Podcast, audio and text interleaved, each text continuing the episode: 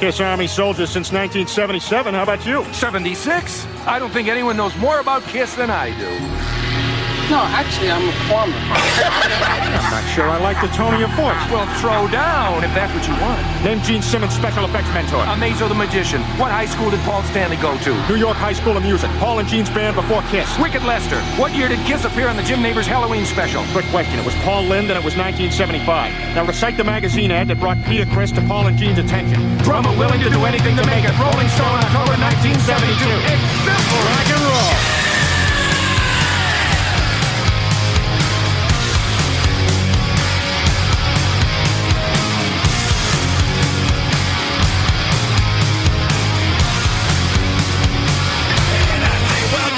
The show.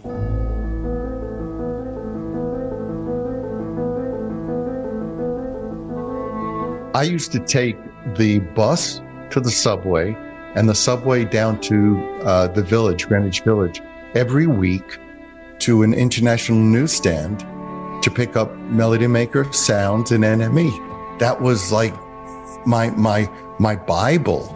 And even though some of those bands I didn't even get to see, um, although you know I got deep into the Move and um, know, some some other uh, bands that didn't really mean anything in the states, so to speak. But um, visually, there was something about all those bands that they just got it, you know, and visually, it, it was so um, unifying in terms of bands' looks that we, you know, I always consider us, you know, the, the bastard child of uh, of a lot of British bands, and and interestingly, British bands were influenced by, you know, American music. So it's it's really a back and forth, Absolutely. and I I think that's what makes it exciting.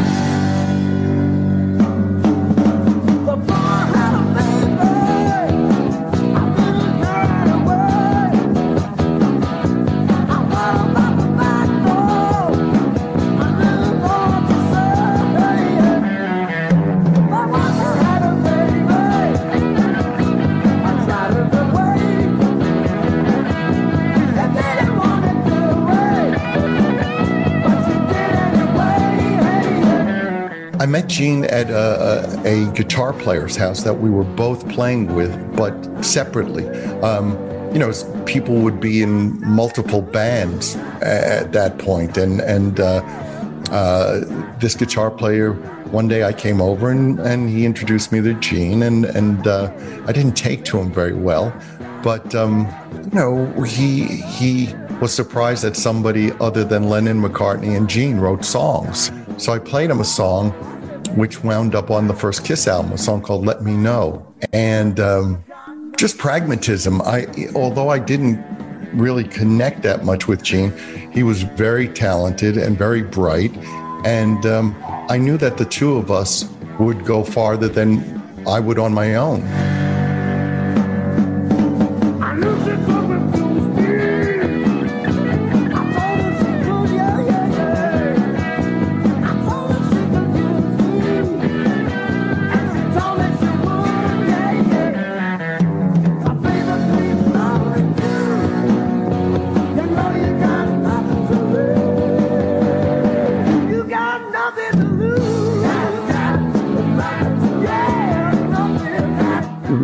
Remember that um, Brian Epstein took the Beatles and put them in in, suit, in collarless suits, you know, and unified them.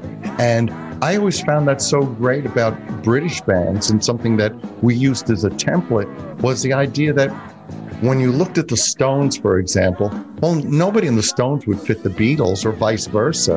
And every band the, had a cohesive look to it. And that's what we wanted. We wanted a group identity. And really, that those, those were our templates.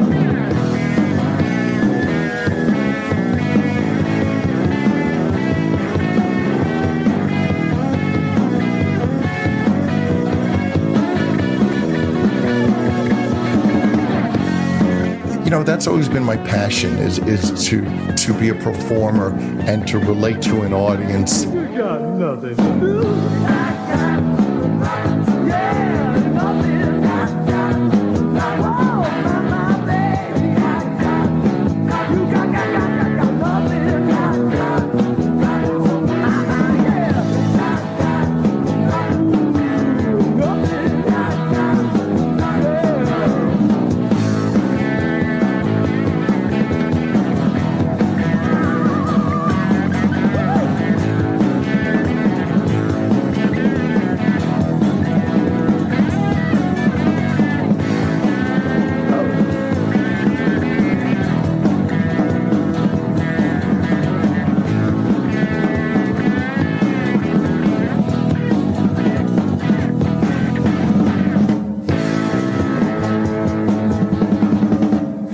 basically sat in front of a mirror, bought some makeup, and saw where where it took us. Um, certainly, Gene and I were always very. We we knew what we wanted to do, and Gene is also an avid Anglophile, and with the same roots as I have.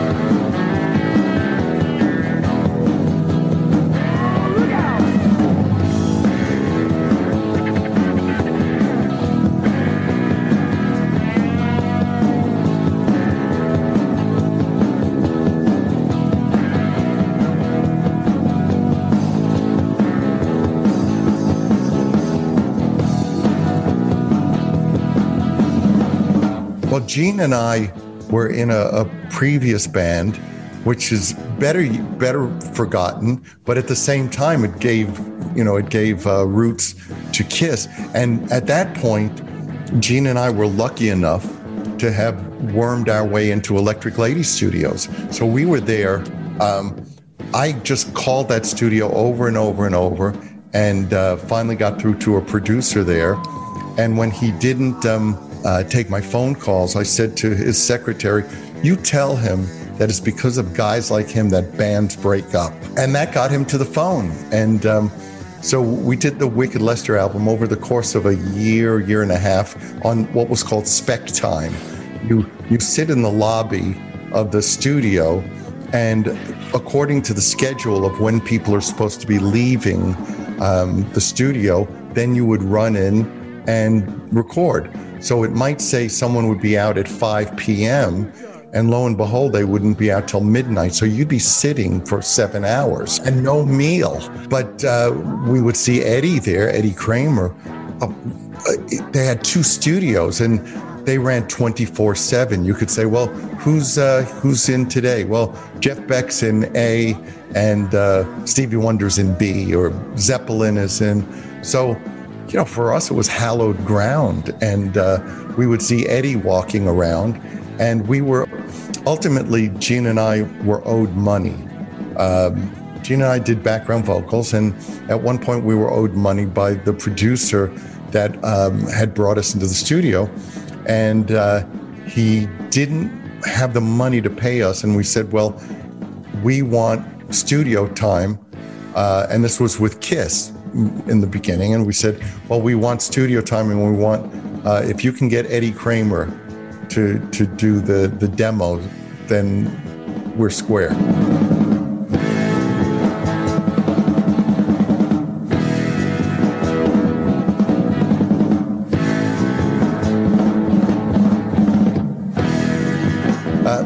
Bill really was the fifth member of Kiss. We never would have um, achieved what we achieved without him because he was he was like funny enough he was basically our age but he came across like a father figure and he wasn't a manager but he, he was a visionary and um, we listened to him and he also he had a way of placating all of us to make each one of us feel that we were the most important and he, he was the glue for quite a while. So, um, and Neil Bogart, who started Casablanca Records, he had a long reign at a, a label called Buddha.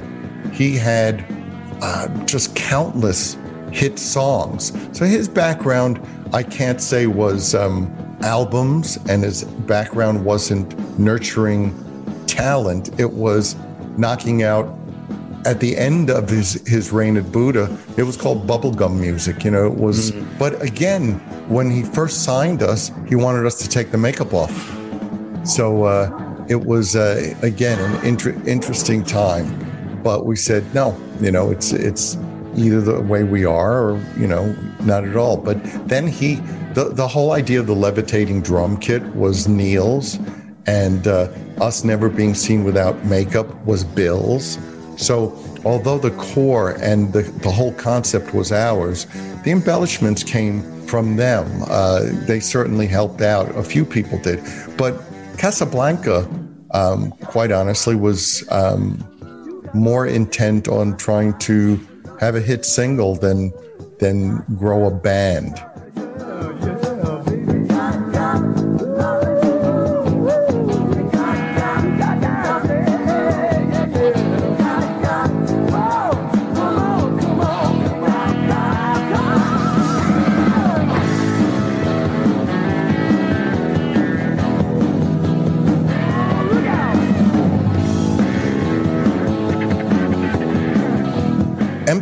Didn't want anything to do with us at first. They really, when we were wearing the makeup, they basically uh, ignored us, had nothing to do with us.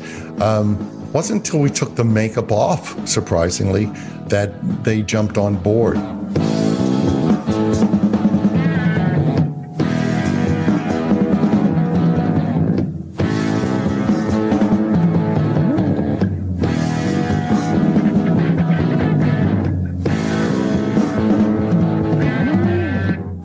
Certainly um, exaggerated and amplified a part of who I am.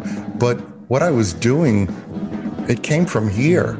It didn't really change. I mean, what I did on stage didn't change. Um, I know it was tougher for Gene, but um, I just thought it lifted a weight off our shoulders and um, allowed us to not only survive but to thrive until we decided, okay, um, let's let's do it again.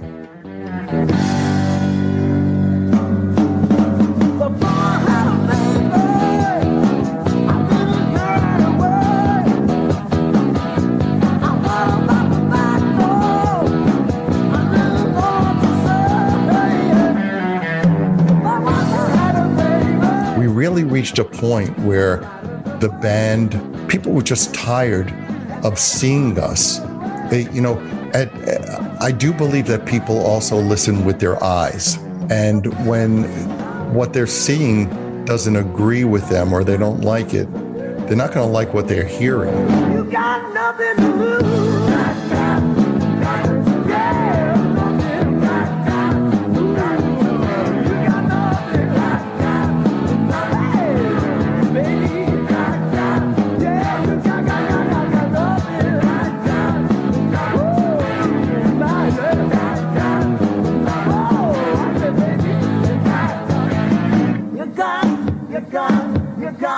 And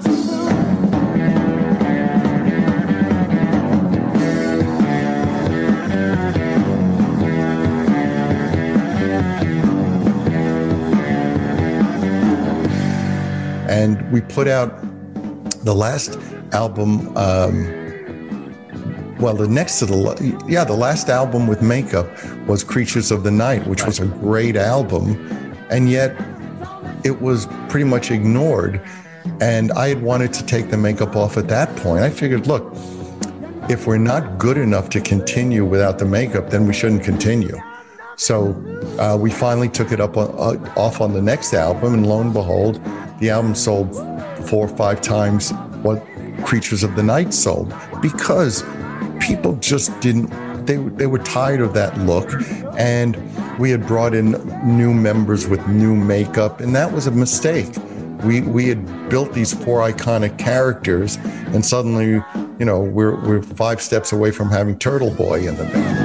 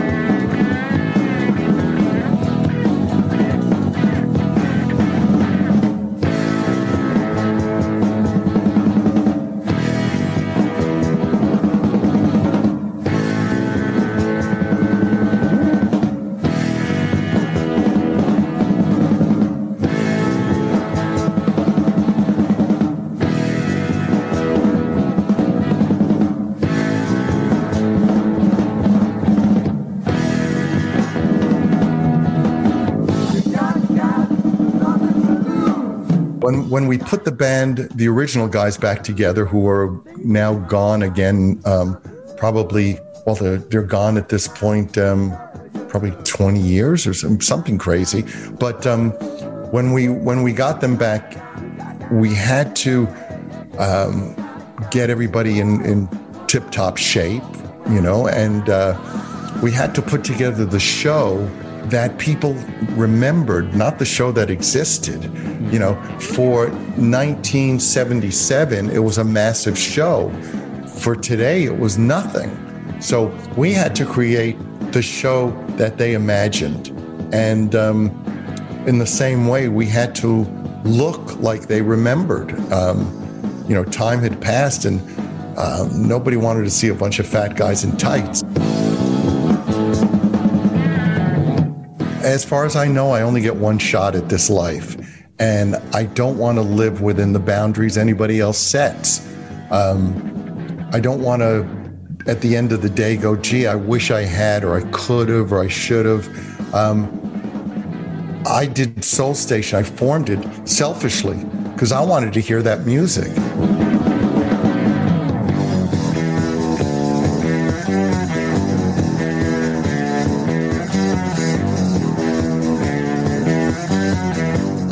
Always wanted Kiss to be one big guitar.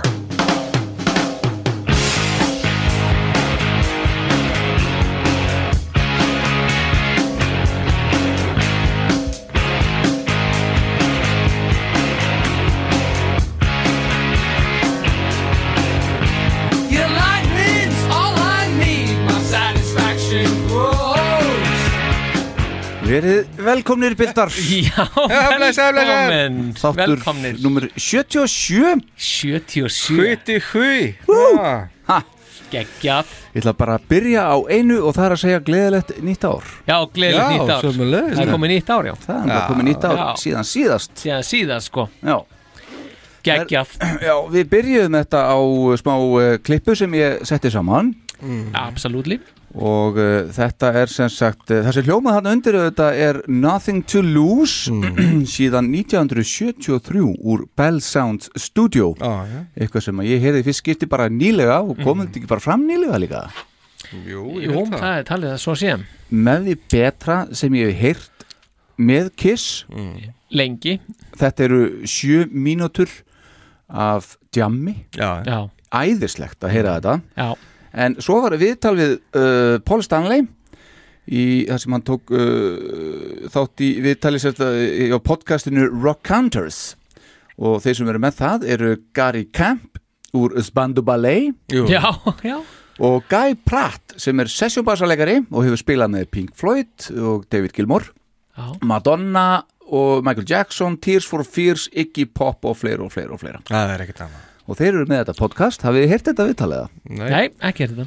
Endilega, uh, flettið upp Rock Contours og hérna, Rock Counters? Já, Rock Rock Contours já, Rock og svo kemur O-N-T-E-U-R-S Rock Contours Já, já.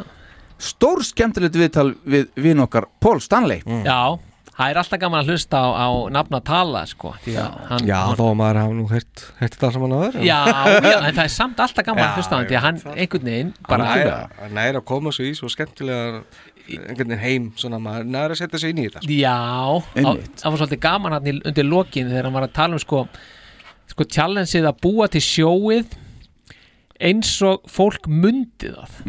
Það var þetta skemmtilegt. Að því auðvitað þýðir náttúrulega ekki að koma með sko 79 sjóið árið 96 Já, eins, hann sagði reyndar sko búið til sjóið eins og fólk held að það hefði verið. Já, eða, eða, já, Þegar þú svona, opnaðar Alive 2 mm, Þetta var ekkert svona rosalegt þegar þú varst þarna eins og hann sagði N- að setja 77 í dag er ekki neitt nei, en hún stækka þetta miklu meira. Já, enda líka sko, ég nefnilega því þegar maður er að horfa á sjóin frá 77 Já. og, og þarna frá þessum tíma Jú, jú.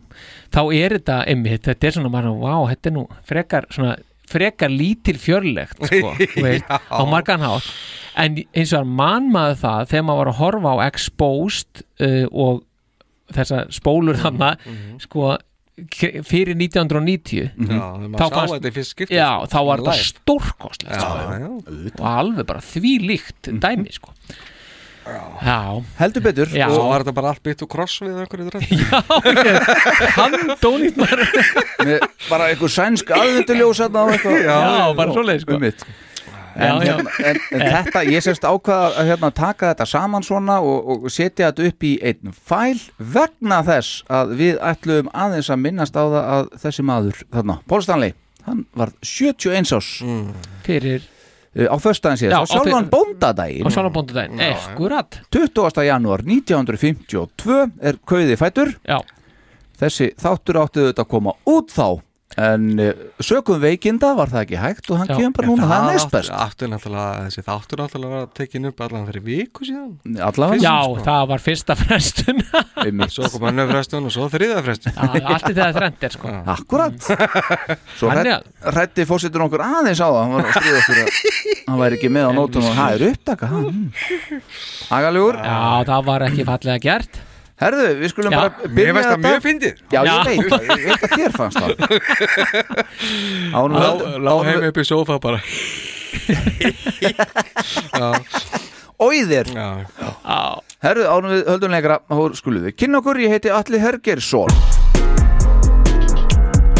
já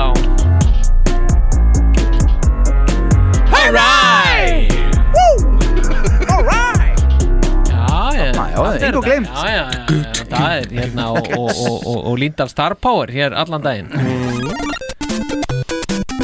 Já, þetta er fallegt. Þetta er það, þetta er verk.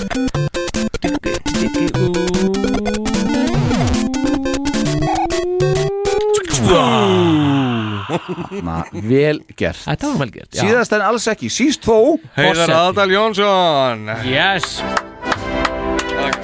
veifar til liðsins. Það er svo áa Báðum Báðum. Báðum höndum. Það held ég, verið velkomnir í Hafnafjörðin. Við erum hér í bóði Böttvarsir Búdvar og teknesku þjóðurinn eins og leggur sér aldrei gleyma Því, Aldrei gleyma því. Aldrei glemma þeim Og Reykjavík HF þarna.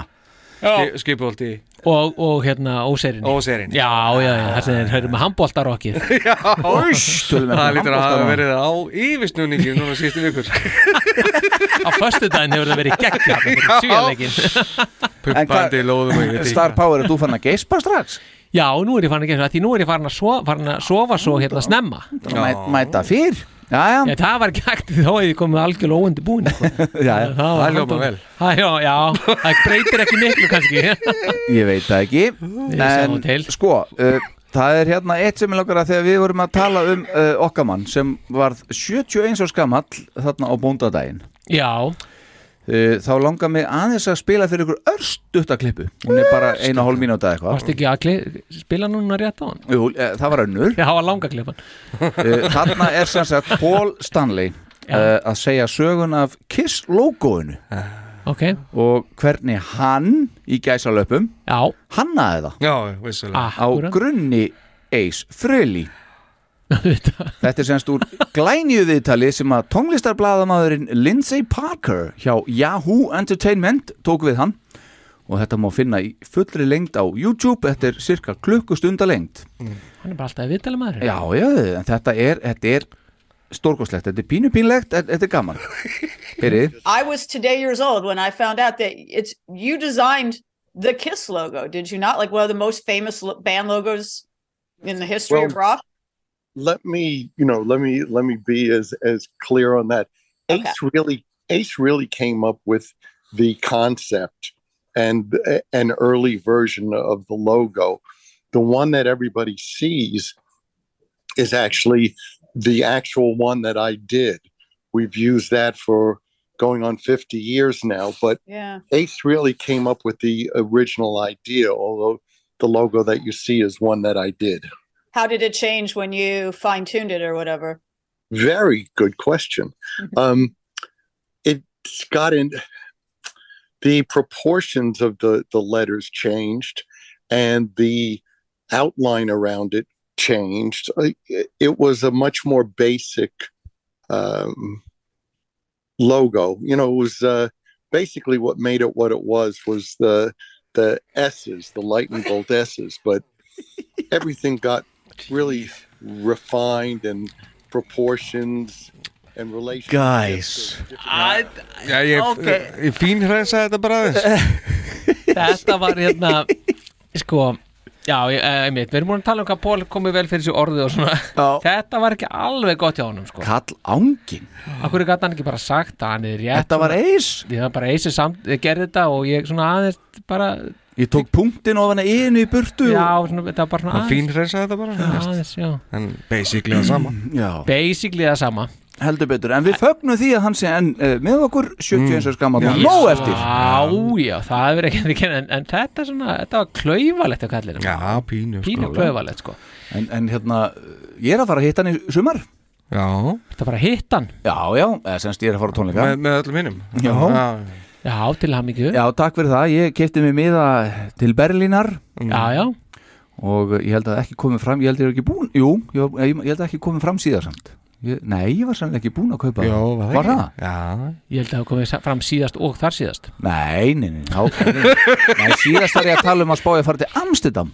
Já, Akkurat já, Siggo. Þú, þú feldir það, Star Power þannig að ég kefti þarna í, í Golden Circle í Berlín. Prófa það Já, og þú ert að fara í, í, í Dalina frægur? Já, ég ætla að fara til Dalana. Já. Ég ætla, Rattvík. Já, þetta er Rettvík já. Já. Það er mjög gott sko. Þarna heim, Það sem hesturinn er Já. sem við rættum ekkert í mannum Jú, rauðu frægu. Já, sem þú þekki núna. Jú, jú, heldur betur. Já, já, taka t- t- tvöfaldan konsert Já, sko. vilist vera það. Já, það er sko. já það, það var, má ekki minna vera. Nei, nei, en, en það en nú farið það svona. Já, þetta fer nú að styttast í annan endan hjá þeim. Já, ég sko. hugsa það. Hugsa það Já, ég meina það er nú svona alveg að detta einhvern veginn uh, Hver var að tala um að þetta væri þá síðast í konsertin 2024 sko? Sá það einhvern tíðan uh, Nú er það komið þangað Já, Æ, þá er ég tökum þetta bara tilbaka það er, það, það er ekki tákað með þetta. Þeir get ekki hægt. Nei, en talandi um nafna Já, þá var svolítið gaman sko, ég rakst á þetta hérna e, það er sko hérna Anaheim árið 2000 Já. Psycho Circus. Ok. Ég var smetla eins hérna í Love Gun það er svona, þetta er, þetta er smá klippa. Já, já, þetta er svona stittri langa klippan ok. af stittuklippinum Ah. sem ég er með. Ok, ok, já, og, og hérna skildi þetta ekki? Nei, nei, það er, það er ekki að skilja þetta. En það var einhvern veginn svona. Mhm. Býtum við.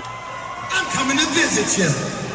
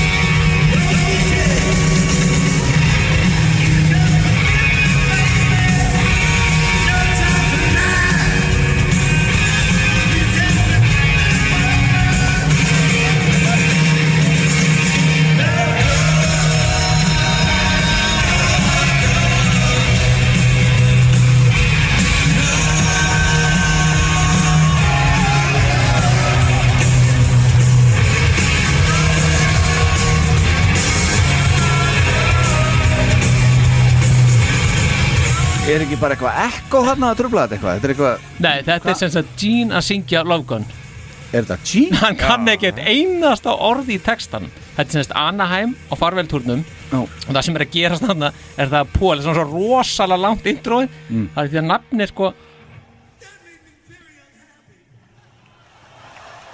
Hvað sagði hann?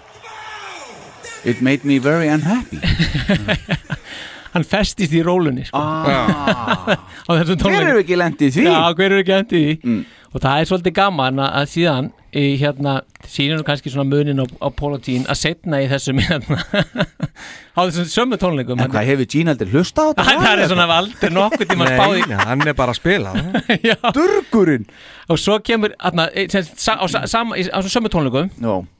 Þá, þá kemur þetta hérna þá er God of Thunder í, í, turnum hérna, nei í, í, í, hátalónum Pól að syngja það eitthvað? Þá kemur svo- svona sjá, hvað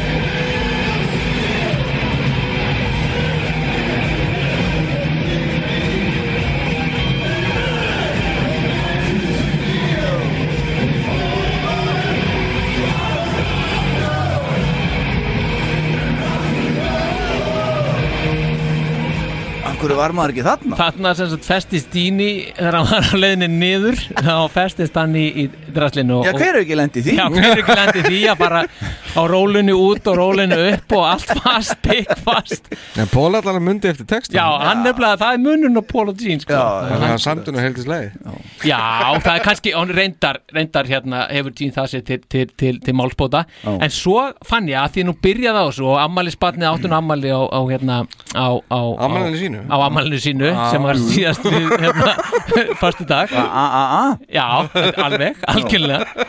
Þá, þá hérna datt hérna upp Detroit Rock City Já. frá Stokkólmi Hann er meðlega stjórnum Já, hann er maður lægstúrna Þetta er 27. oktober 84 Ok.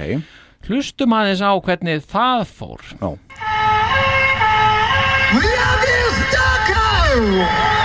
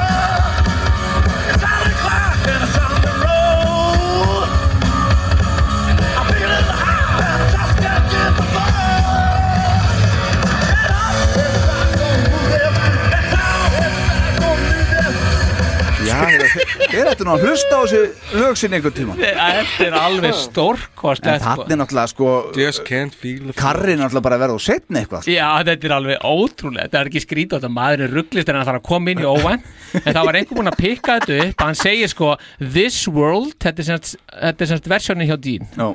this world it's 10 o'clock, I'm down the road. I'm feeling high and I just can't enough. Já. Það er það sem hann er, er einhver búinn að pikka upp hann væri að syngja. Hann þarf náttúrulega bara að syngja annarkvært orð líka þarna. Já, ég menn En líka bara þurfa að rifja þetta upp hérna í snarheitum sko, á, á 200 km hraða sko. Þetta er rosaleg Þetta er rosaleg tempo sko. Þetta er frábært. Karrin góður? Karrin góður. Þetta er svolítið öðru sig og hérna 2000 og hvað var það, þrjú, fjögur? Já, sem var bara, var bara Sopna bara. Já, já, já, já, Lægi var orðin bara svona sjö mínútur sko, bara, Píterinn bara búm. Herðu, og talandi talandi um karrin talandi um Píterinn Já, og já. verandi spilandi hérna ykkurra klippur Já. þá verðum við aðeins að drepa niður fæti hérna í það sem að Pítur Chris setti á netið á gamlástag Já, já, já. Síðastlið Já, Þetta er dásamlegt. Já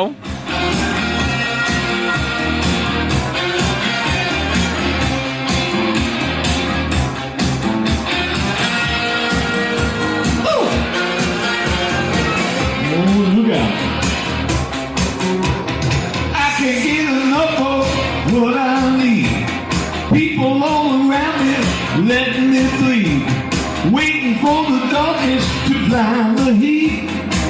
I make my living out on the street, dirty living. Dirty living.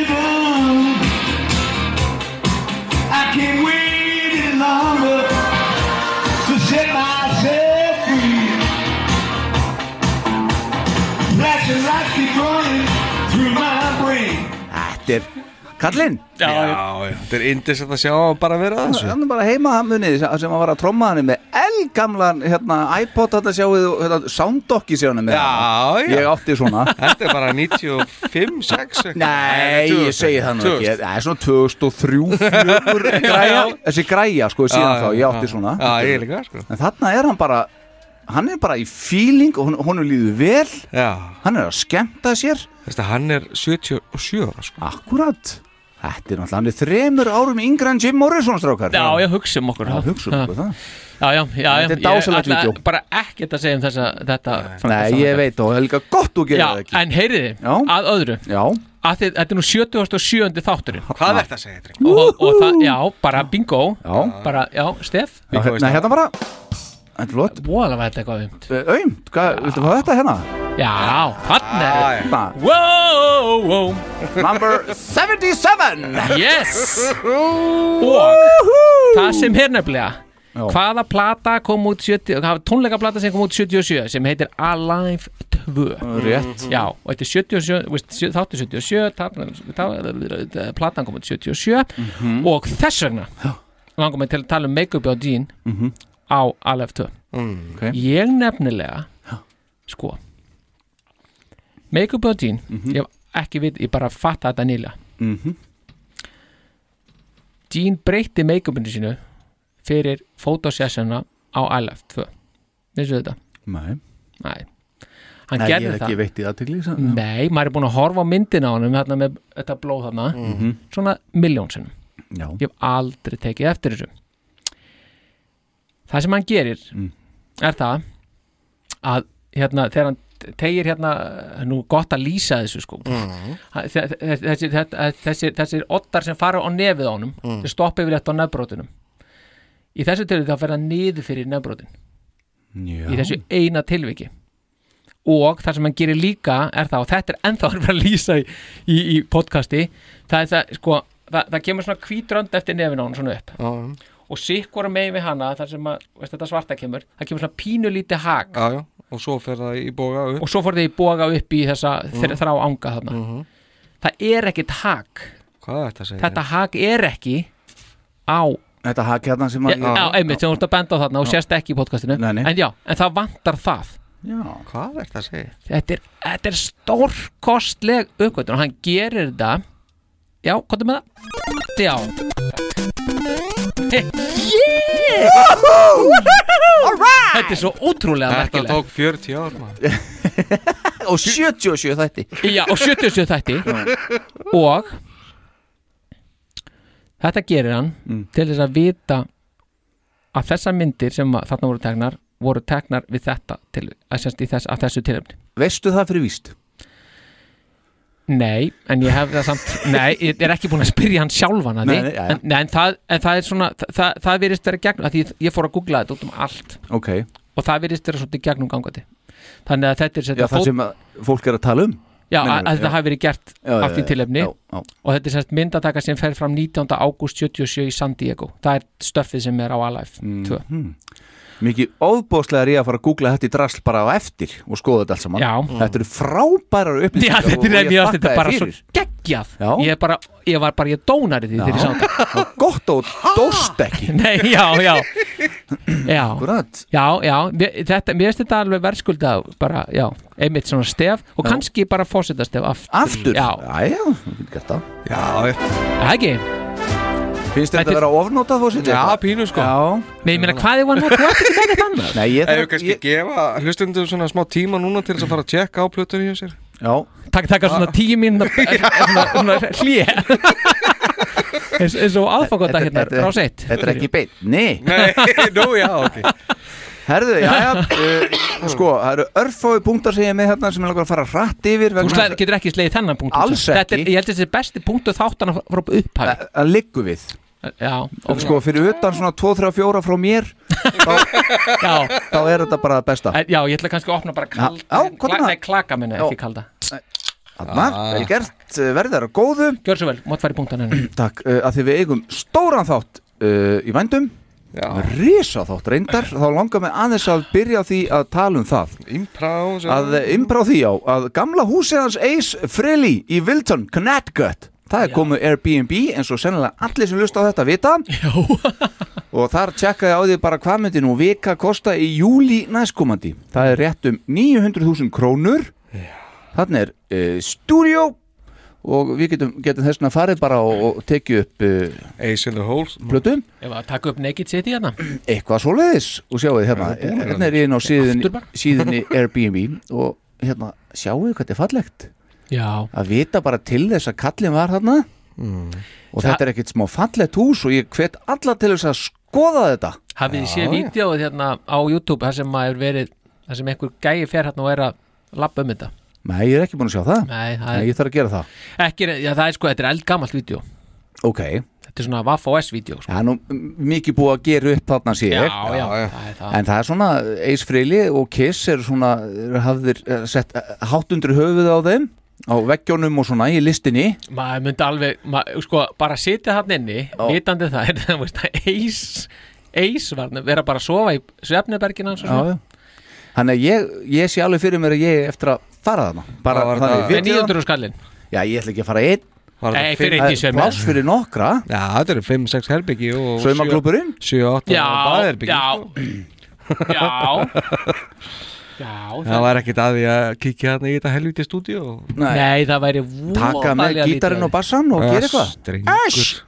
Ringi Eddie og Ætli Já, hans í innifælinu Herðu, svo bara Premium örstuð uh, 16. janúar síðastliðin uh, þá uh, skal ég segja ykkur uh, hefði Bob Kulik átt afmæli? Jú, jú já, já, hann fættist þann dag 1950 eða voru 73 ára gamall lest 28. mæði 2020 já. og svo er það 22. janúar sem er í gær þegar við tökum upp Eh, 1989 Nick Simmons var 34 ára gamall sonur Gene Já, og svo er eitt hérna sem að þú veist, vegna þess að það er alveg sama hvaða þátt ég er að undirbúa í þessu podcasti hér Mm. það er eitt nafn sem ég sé alltaf. Eiginlega alltaf. Og ég hugsaði núna anskotin hafið það, nú verði ég að minnast á hana mann. Peppi Castro? Nei. Það er bara, veist, málið er aldrei verið ástæða til þess að minnast á hann vegna þess að hverjum er ekki sama hver masterar hlutina. Þá er, erum við að tala um sko að mastera, mastering eh, upptökurnar. Já, hvað er íslensku orðið við að mastera? Ég, ekki bara að mastera. Ég var ekki bara? Jú. Þá er sem sagt, eh, er, fyrir þá sem ekki vita upptökurnar teknar og þetta er sett allt í svona sum, sama svona tón eh, hvað heitir það, svona hljóð þannig er ekkert lag hærri en annað og hljóðförum mixast betur saman verið ein heild. Þetta er svona masterað. Mastering. Hljó, Hljóði jafnað hljóðblöndun Hljóð Nei, Nei, það er hljóðjöfn- mixing hljóð, Já, já, rétt, já. Hljóðjöfnun sennilega. Það- bara. Jú, sennilega rétt hjá þér. Það er maður sem heitir George Marino. Hann er sagt uh, Mastering Engineer fyrirvændi, Mm. fættur 47 lést 2012 úr krabba minni helvitis krabba minninu Helvítis krabba en hann er bara, það er alveg sama hvað eru að lesa um. George Marino hefur eiginlega masterað allt saman. Hann, Já. og það þarf ekkert endilega að vera kiss það er bara það er ótrúlegt. Já, bara að meina katalógunum bara heimsvísu. Bara, bara rock'n'roll, það er bara þannig. Það er bara það, það var hann þar, Marino. Marino, Já. George Marino, við langar bara imbráð þessu, koma þessu frá mér þá er hættur að hugsa um þetta. Já, Ok, já, bara, já, gott En risa þáttur já, klárlega. Já, já, alveg rosalega Eða að fara í bakgrunn Já, já. Eða er eitthvað sem að þið viljið? Nei, ég, ég, ég hef svo stoltur af punktinu mín ég ætla, Ég, ég ætla bara rétt að minnast á hérna 82, 15. jan þegar þeir spiluðu á fræ, í frætis þáttinum. Já. Tóku þar The Oath og World Without Heroes og Æ. Mm, að þessi stórkostlegi sólo hjá Ace þarna sem er betri en næstuði allt sko. Já, betur, Já. Pól tók líka solo þarna. Já, já, já nei, Já, já, já, en ég er nýbúin að horfa þarna Já. Þetta er alveg stórkostlegt. Þetta er það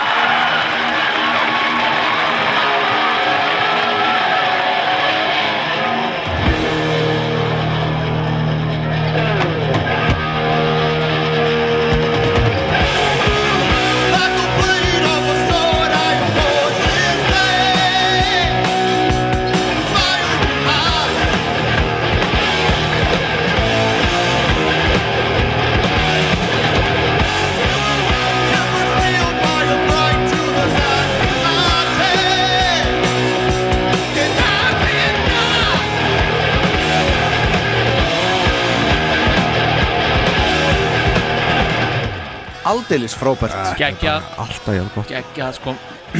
En er, er eitthvað meira þá að Nei. Nei. Þáttunum bara búin Já. Segir þetta gott. Risa þátturinn Takk. fyrir að góða nú Já. Nei, Ekki anskotin hafið það. Ekki aldeilis. Að þau eru nú komnið saman hér. Já. Fyrsta mánuði þessa árs Þú ekki bara vind okkur í málefni Jó, þáttarins. Málefni, málefnina Málefni, málefnana Er bakgrunnur Kiss Army Iceland podcast kynnið Bakgrunnur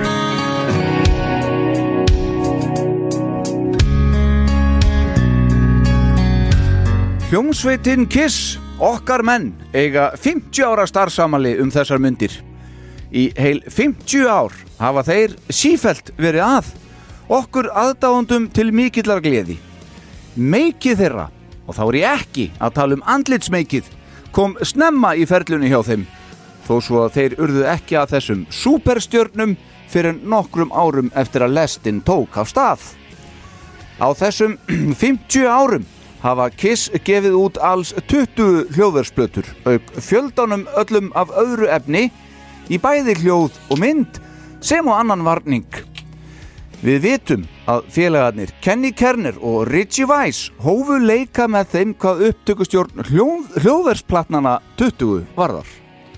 Og öll vitum við hvað gerðist þegar þeir Bob Essin og Eddie Kramer komust með puttana í stöffið góða. Þá þekkjum við til annara nafna sem komið hafa við sögu á ferli Kiss án þess að vera meðlimir bandsins. Og má þar nefna Michael James Jackson, Desmond Child, Ron Nevison, Bruce Fairburn, Vinnie Poncia og mun, mun fleiri til. Það þarf nefnilega heilt þorp til að alu barn, var einhver tíman sagt og það réttilega. En okkar menn hafa einnig komið að ymsu öðru en bara kiss. Og þá ímist sem lagahöfundar, hljóðfæraleikarar, söngvarar, umbósmenn, útgefendur nú eða upptökustjórar. Ekki hafa þær afurðir allar riðið feitum hesti, en þó hefur úr einhverju ræst.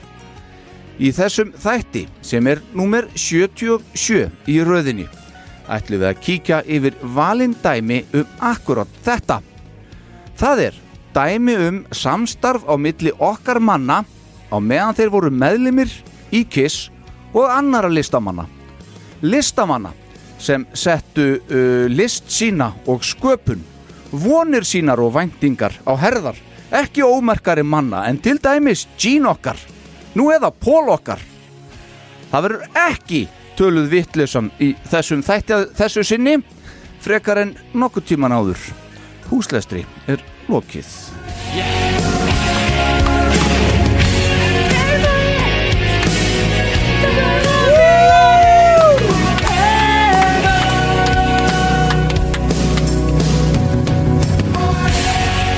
Það held ég, pilda mínir Þetta verður eitthvað maður ha? Þetta verður eitthvað og það sem að eh, við gerðum uh, eða réttar sagt uh, aðalega fórsetin gerði var að velja hér tíu lög þú valdi níu og ég Mm. eitt eða ekki Jú, jú.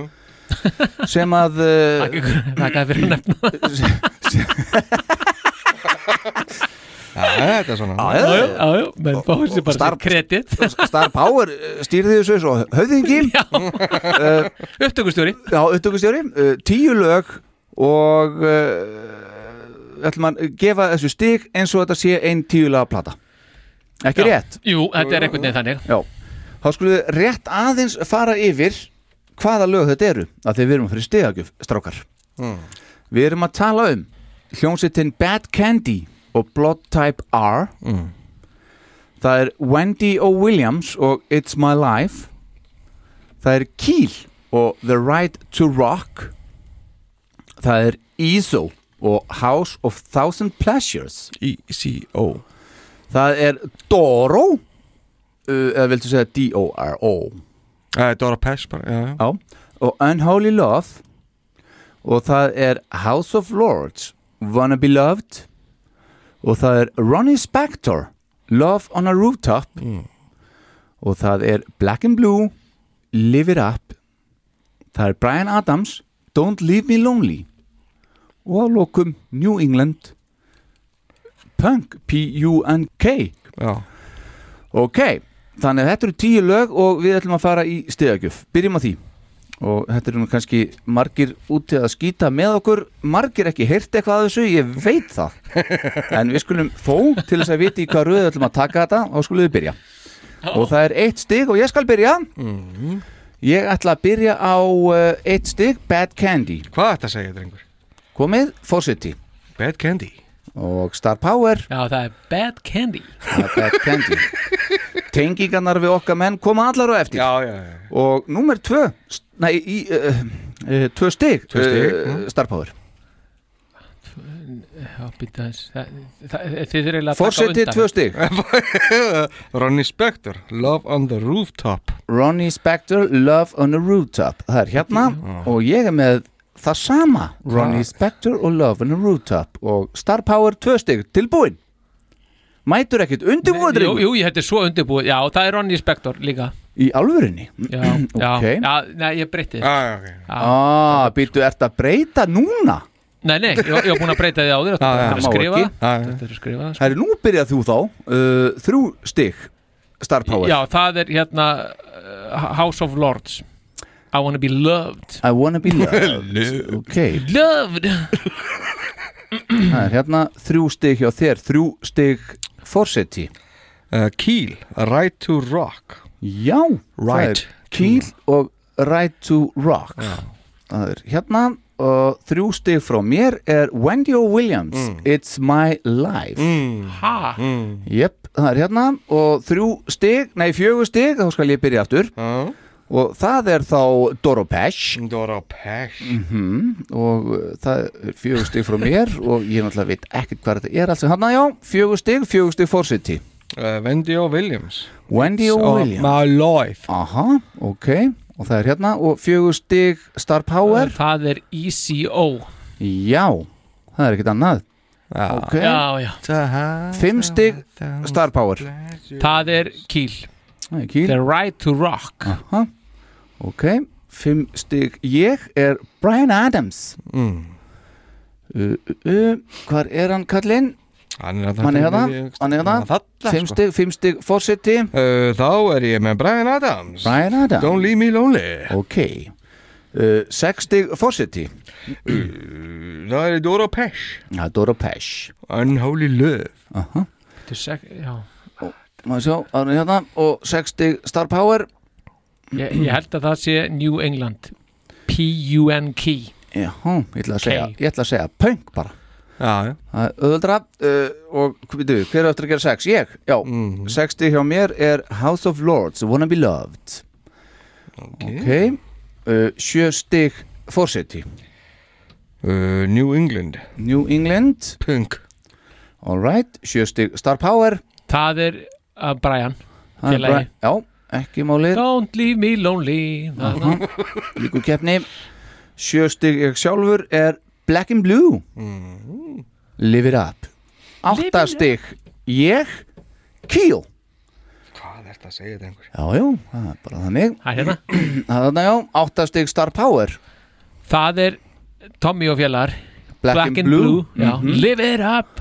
Live it up. Já. Áttastig Forseti uh, Það er Black and Blue. Mm Líku keppni. Níustig Forseti. Uh, House of Lords. House of Lords. I wanna be loved. Mhm. Live. Ok, Yeah. níustig Star Power. Það er Dóró Það er Dóró. Vinkona þáttarins. Vinkona þáttarins. Mm Stórvinkona uh, Níu Það nú verið stig. að þið verið sammála. Ég í The O Jaha, hvað er þetta að segja já.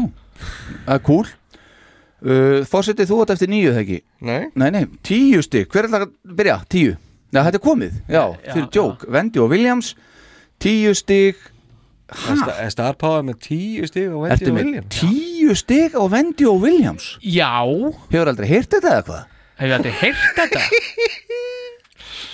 Tíu stig hjá mér á ECO EZO, ok. House of a Og tíu stig hjá mér er. New England Punk. Já, Þarna Þetta segir okkur það, það eru, ný, sjáu því Það eru þrjú lög með, hérna í fyrsta seti Nei, drengur. Hvernig kemur regla núna? Já, það er, það er lag sem er með tíu stig og þau eru tvö. Ok, og næsta þá, já, Það var að það er, færseta valdið sko. já, og það er þá þetta hérna. EZO sem Ha? er þá Besta. besta lagið. Já, já En við ætlum, að, við ætlum hins vegar ekki að byrja þar Við ætlum að byrja á versta laginu. Já, og það er Bad Candy það var strákar. svolítið svona Það, það er mjög bad candy Já, þetta er, þetta er sjokkar. Blood Type R. Þetta er síðan 2006 Já, Þetta er samið af Paul Stanley og Andreas Karlsson sem Já. er sænskur sví frá Svíþjóð. Hvað er þetta segja? Já, já. Og hann hefur nú áður komið við sögu hér í þættinum. Þetta er betur. náttúrulega er bara allt úr þessu sama sessjóni. Já, Já. Hann samti í fimm lögum á samt uh, sjálfum Paul af tíu uh, á plötu þess síðarnemda Live to Win. Já, frá einmitt árinu 2006 já. Hann hefur líka samið fyrir Backstreet Boys og sérst, til dæmis lagið I want it that way. Já, já, já. Tell me why I nothing but a heartbreak. Já, já, Hann er að þetta- hann er þetta lag er klálega afgangur síðan hérna í þessu sessjóni með Paul eins og þið segið. Já, uh, Bad Candy var hollenskt kvenna eða stúlna rockband sem starfaði frá árinu 2002 til 2006 Já, þetta var bara að gefa út og svo bara, nei svo bara Svo bara Þetta var semst eitt line-up frá 2002 til 2004 og svo hætta cirka helmingurinn að þeim og aðra kom inn í staðinn fyrir þær og eru frá 2004 til 2006 Já, Það er sem sagt, uh, mér langar, ég veit það er leiðilegt að taka þetta fram, mér langar samt að gera það, að þær spiluðu allar á hljóðfæri sín sjálf, Já, ar, og, og hérna, og þær taka reyndar stert fram í hver, hverju einasta viðtali öðru sem maður googlar. Uh, ein þeirra er einmitt með bleika stjörnu málaða svona yfir annað auga á sér, svona eins og Paul Stanley. Hvað er þetta að segja? Yes. Hann er, og trommarinn í þessu bandi svo ég veit ekki hvað hún heitir hún sem sagt í rauninni er ennþá tromma og er svona sessjóntrommari, kemur fram í sjónvagsþáttum og svona í Hollandi þannig að þetta er ekkit algalið sko, þarna á Nei, sko. þetta er bara vond efni, það er hann á málið og þar kemur Pól okkar sterkurinn, kallinn Já, en það, já Sko Hvernig hefði þetta samt hljómað ef Pól hefði farið höndum, veist, ef þetta hefði farið inn á liftúi, hvernig hefði það hljómað? Betur. Já, það hefði hljómað betur. Já, þá, þá hefði sko, verið þygt Já. og það hefði verið þyngt og, og náttúrulega svo hefði Pól sungið það sem er daldið mikið annað. Já, Það, Það- það náttúrulega er líka ástæða fyrir að þetta náði ekki inn á blötu Já, já, það er ástæði fyrir því. Þetta, þetta er ekki gott stöf, sko er, ekki. En maður heyri samt alveg mjög greinilega þennan, veist, Já, það er, Svona- þetta er alveg sami væpin sko. já, já, já og er á live to win minni Já, já, já, alveg gjössanlega, sko. Bara þetta sænska touch Mhm. sem að Karlsson er með hann inn í þessu. Þessi, þessi húkar og þetta svona þessi melodía. Já, Þetta er algjör formúla sko, sem að virkar náttúrulega hef, hafði virkað mjög vel upp uh, fram á þessum tíma með, öllum þessum böndum mm Mhm. -hmm. þannig að Mér ást einhvern veginn svona Æ, vona að það sé ekki rangt á mér en alltaf, það er, það er svona, svona bassagangurinn Lax? Nei, hvað sér? Þetta er lags, það er að gera þetta með hendinni Nei, hérna, það, það, það er svona bassagangur einhver sem er svona live to win eitthvað sko, þessi svona gengur svona upp og niður eitthvað Já, já. fram og tilbaka Ok. og svo fannst mér alveg klikka út með því að, að svo enda lagið í símanum sko, sem er náttúrulega nokkru sinni gert á live to win Já. Þá endar þetta svona í, í símtólinu eitthvað, Ég er ekki viss við við náum þákað Nei, við skulum bara, þá, þá spilum við endan samt. Já, hann, ok. hann er bara besta sko. Ég var að heyra Bad Candy Já, hollensku bara lítið samt, sko. Já, heyrum aðeins hérna, hljótaði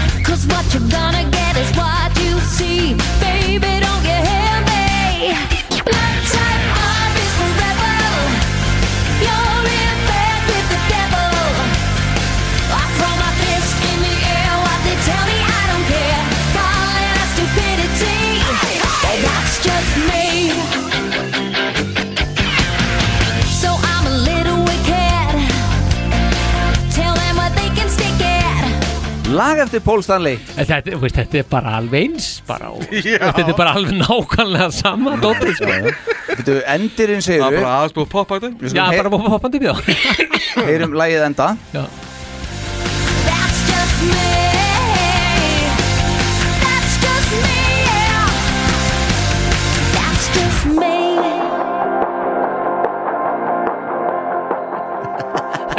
Þetta er svona endar aðeins í Skellum þessu símtól hér- skellum þessu hérna inn í smá kassa hérna. Já, já. Þetta er alltaf virka vel Það virkaði gríðarlega vel Já, og þetta var ofta á liftúvin Já, já. Já, það gerir það nefnilega En Bad Candy, þeir, uh, þær fá fallengun hér í þessum þætti hér Já, og þetta Aðeins fór þrjú ekki, stig. þetta fór ekki neitt, þetta lag er slíkt sko. Nei, en það hægstu bara eftir þetta sko. Þetta er, þú finnur þetta ekki svona á Spotify sko. Nei, nei. Nei, akkurat Þetta er bara Þetta er bara alveg handónýtt sko.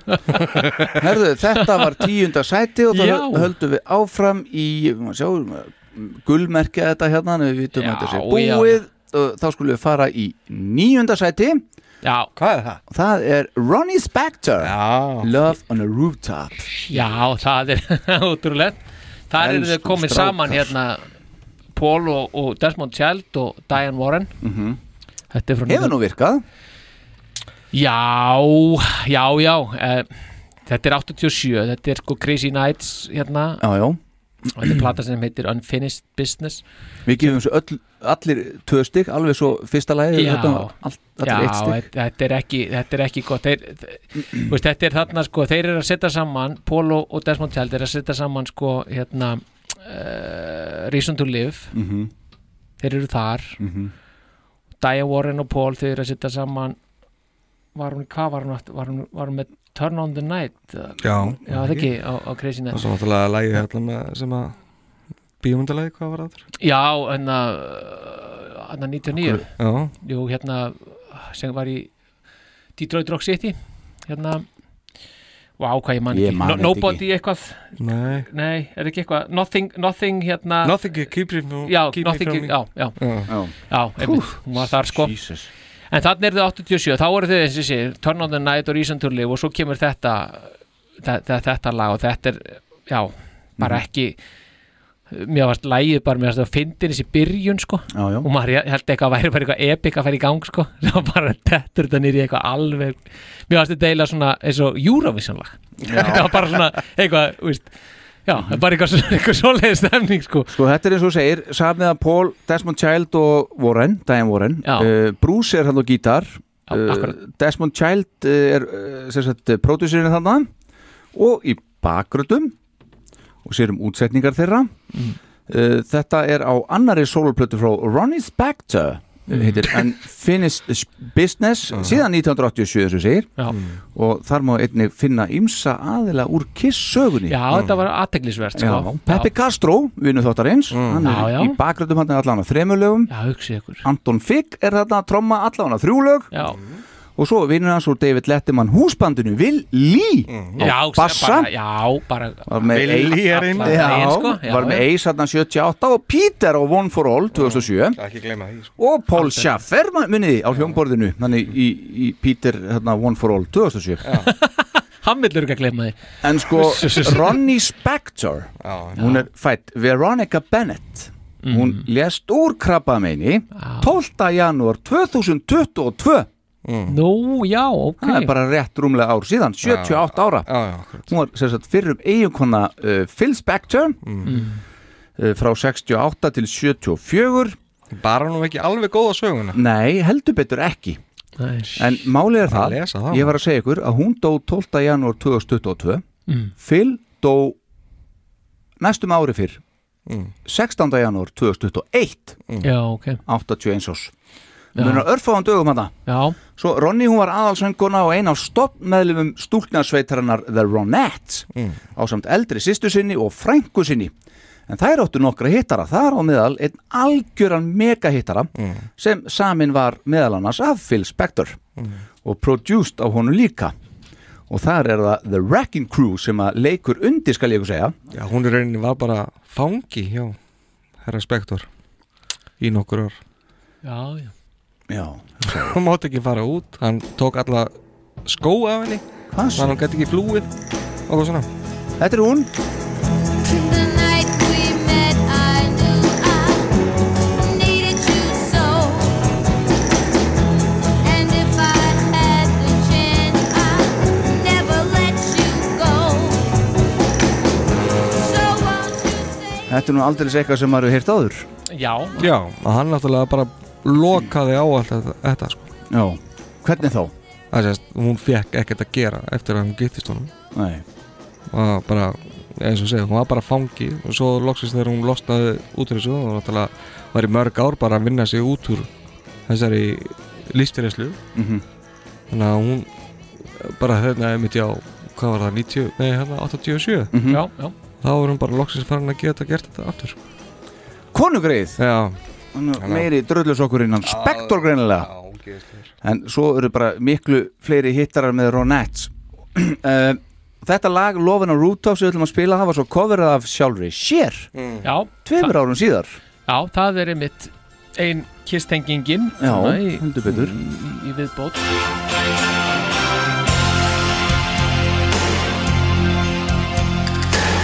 We used to talk, never on a dime. Now we live together, never find the time.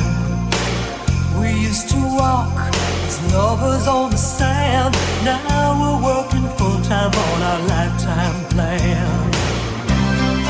We never stop to see the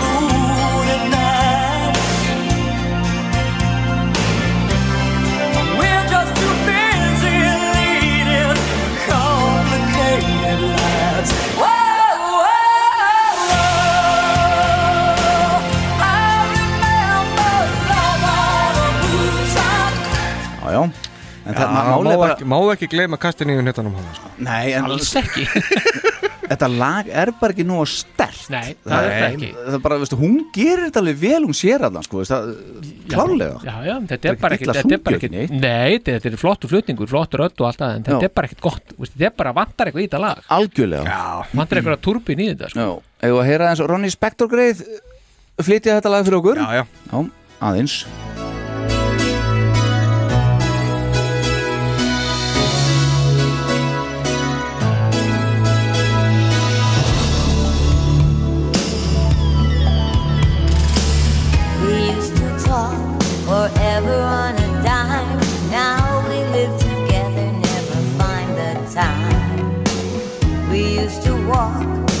Love is on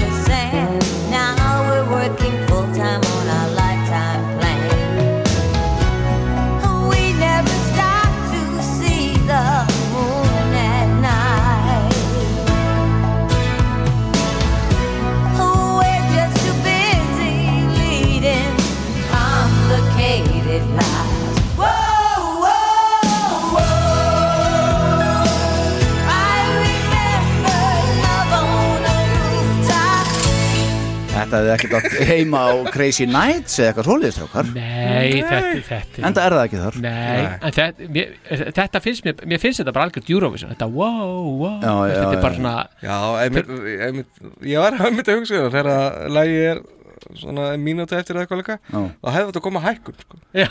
Eurovision hækkun sko. ég, bjó, það- ég bjóst alveg við því sko. Já, svo náttúrulega bara mætti Desmond Child sjálfur bara í Eurovision bara hvað í fyrra, ekki? Já, já, já, Loksins já, já, í fyrra, já. En svo kemur saxafón hérna sóló í þessu Já, og, já. Og, og, og svo endar þetta svona vindhljóði Þetta er alveg, bara er allt í þessu sko. ef maður vilja tjekka á þessu þá er þetta á Spotify Og YouTube örgulega líka Já, Já, já, já Lofan út af lag eftir Pól Þess virði að eyða fjórum myndum eða, eða, eða ekki. Þá skulum við fara í eh, áttunda sætið af Já. tíu. Hvar erum við þá? Það er Kíl. Já, já, já, já, já, já. Þar erum við að tala um átta stig frá mér, þrjú stig frá fósitónum og fimm stig frá Star Power. Já. Og þetta er produced by Gene Simmons. Simmons, Þetta er já. síðan 1985 Þetta er uh, sem sagt af samnefndri plötu Kíl sem var þeirra önnur breiðskifa. Gene prodúseraði þriðju plötuna líka The Final Frontier sem kom ári síðar. The Final Frontier. Og hún náði 53. sætinu á Billboard Top 200 Mhm. uh, og uh, Kíl starfaði frá 1984 til 1989 og svo eitthvað tíma 98 og svo 2008 þá til í dag er hann það. Ok. þeir seldu alveg yfir 2 miljónir platna á sínum ferli þegar að best gekk. Söngvarinn Ron Keel var mátaður sem söngvari Black Sabbath árið 1984 og svo kemur hennar svaka tengingarmaður. Já. Gítarleikari Keel er Mark Ferrari. En hann samti lagið Five Stud Card á samt sjálfum Ace Frehley. Lagið kom út á plötu Ace Trouble Walking árið 1989 en Five Card Stud. Já uh, Mark Ferrari hefur Geggjalag. gert meira merkilegt samt. Hann spilaði gítarinn í lagið Best in the West með Black and Blue af plötunni Nasty Nasty sem kom út árið 1986 en það lag er meðal annars eftir okkar ástsæla Tommy Thayer en það er meira. Já, Best in the West. Já, já. Mark Ferrari samti nefnilega lag fyrir fjórðu plötu kýl sem var svo ekki valið á plötuna Þessi stað fengu snillingarnir í Pantera lagið og gáðu það út á sinni fjórðu breyðskjöfu Power Metal sem kom út árið 1988 og var fyrsta plata Pantera sem skartaði Phil Anselmo sem söngvara. Ekki. Kíl tóku ekki sjálfur upp þetta lag fyrir en þeir gáðu út comeback plötuna sína Back in Action árið Yeah. 1998, 10 árum síðar en Pantera útgáfuna má finna í kvikmyndinni D2 The Mighty Ducks með Emilio Estives og Marju Ellingsen hér í íslensku íslensk færisku Já. þar sem að uh, USA mætir Íslandi í Ísokki Ísokki sko. yes. Það er talandi um Best in the West sko. Já Það eru, það eru menn í bakgröðum Já, bestinu vest Já, það eru Mr. Pétur Kristjánsson og Ron Hvað er þetta að segja? Já, já Pétur Kristjánsson það? Já, já Já, Já, ok mm. Þetta er alveg magna, þetta tengist nefnilega allt, þetta er allt bara sami bara og- hópurinn sem rotta sér saman einhvern veginn kringum Já, þetta allt. já, þetta er bara svona eins og ættarmót svona frekar lítið ættarmót Já, við erum búin að minnast á sko Willi til dæmis Já, já, já, já þetta, Þetta er er, magnað. þetta er allt saman einhver bara ræri grötur sko. Já. allir með öllum eitthvað að fokast sko. En þið eru ekki hrifnir af þessu, strákar? Nei, ég meina þetta Sko, er veist, Það er pínu hetja í þessu. Já, já, þetta er alveg þetta fínt rosalega sko. texti þannig séð sko. Já, Uh, náttúrulega Gene er með þrjú lög á þessari plötu. Mm samtíð þrjú lög. Já, já. Það fyrir þeir komu í í stúdíu það áttu þeir ekki nema þrjú lög sjálfur þar með þetta þannig að þeir fengu lánuð þrjú lög af demón hjá, hjá Gene og Mhm. svo tóku þeir upp þrjú lög af fyrir plötinu og gerðu það aftur. Já, já. Þannig að- og eitt cover annan Var cover ekki eitthvað sem jú, jú. En samt komst ekki Pantera-lægið á plötuna? Nei, það er Mm. magna. Mark Ferrari maður, hann hefur ekki haft nú hát Nei, Sko, ég sko, þetta var í svona í sjóninni hjá manni, svona peripheral vi- vision á þessum tíma sko. Mhm. Og þeir, þeir náðu aldrei í gegn hjá mér sko Nei, Af voru að- svona einhvern veginn. Já, já, jaðrinum af því að ég var ekki að fíla röddina í mestu Ron Keel sko. Nei, ok Hún, Ok. Mér fannst þetta vera einhvern veginn svolítið ódýrt einhvern veginn er Ekki passaði vel í sabba þarna Nei, nei, nei, alls Það var hann ekki, ekki tekið upp með honum held ég Nei, nei Hún bara eitthvað æfingar og held ekki Já. tónleikar held ég Nei. Bara mánuður eitthvað sem bara, nei, virkar ekki út með þig Já.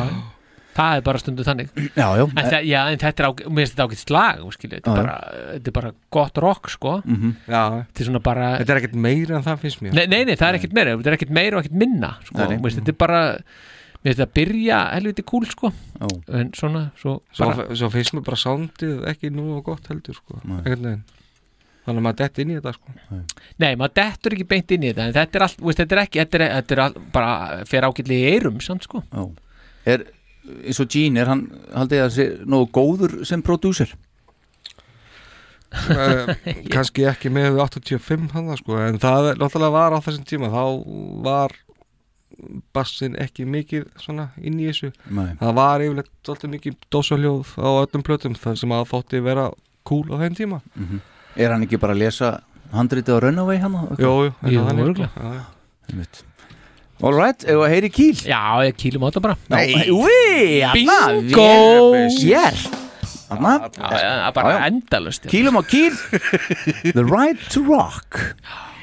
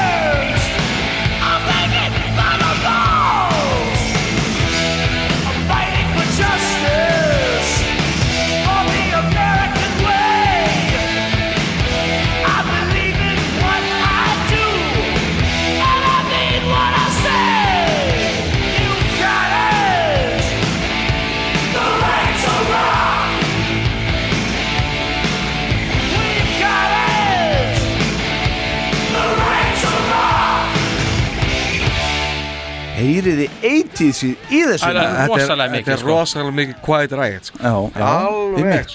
Akkurat Þetta er rosalega mikið etís sko Já. Þetta er svona að þýleitinu til finnst mér svona pínu batsins tíma Já, já. En þetta virkar bara Já, en veist, og líka bara þessi setning The right to rock Já, já. og svona kórin saman allir strákarnir sko Já, já en allir samt með varalit og eitthvað sko Það, Já, já. mér finnst þetta hérna, þessi kórus mm. viðlag, Mm. þetta er nákvæmlega eins og hérna, Já, kvotum með það, minnum á eitthvað. Þetta er hérna, Judas Priest. Er ekki I believe, you, I believe you're the devil's child. Ég er Já, já. þekki þekki nú. Nei, ekki. Nei, Þetta er að Screaming for Vengeance. E- efast ekki um það. 82 Já, já, ok, sem er aðeins fyrir hérna. Ég skal bara vel trúa þessu. Herðu, þá skulum við fara í sjöunda sæti strákar Yes, og sir. þá er tvö lög sem eru hérna í sjötta til sjöunda. Og það er annars vegar þetta hér, fyrir mig það eftir. Og svo er það Brian Adams. Og það sem að hitla er farið tíu, þá skulum við taka þetta næst. Ég er nú alveg hissa á Fimm stig frá mér, fimm stig frá fósitónum sjö stig frá Star Power. Það er bara tveimur stíðu sko. Þetta er síðan 1983 Don't Leave Me Lonely. Samið Don't af leave me alone Brian Adams, Jim Wallens og Eric Carr Já, hann kemur hann sterkur inn. Cirka 81-82 Já, uh, á þeim tíma sem Down on Your Knees Já, var þetta var Killers uh, Writing Sessions. Akkurat, nákvæmlega. Og hérna, þar kemur nú til dæmis uh, Mikael Japp fyrir muniði já, já. Uh, Jim Wallens samti einmitt Rock'n'Roll Hell og War Machine Já, já. með Brian Adams og Gene Simmons. Já, já er Adams og Erik Carr byrjuð á þessu lægi og Erik samti eh, tónlistina og textan í viðlæginu Mm, að ég las Adams tók þetta svo með sér heim og kláraði ásamt Wallens Og það kom út á plötunni mm. Cut Like a Knife Já. sem kom út 1983. Ha.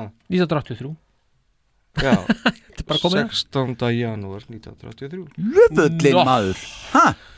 Býtu Veitu hvað gerist þetta 16. janúar? Já, það var eitthvað var Þá var hann Bobbarinn Nei, fyrir ekki, Já. 18. janúar ah, Skemma þetta Bobbarinn, Bobbarinn lest þarna 16.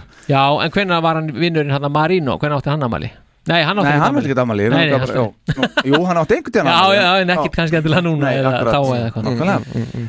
Herðu. Erik Carr, hann vildi setja þetta lag á Creatures Já, Já, það hefði komið vel út. Geni og Paul sögðu nei Já.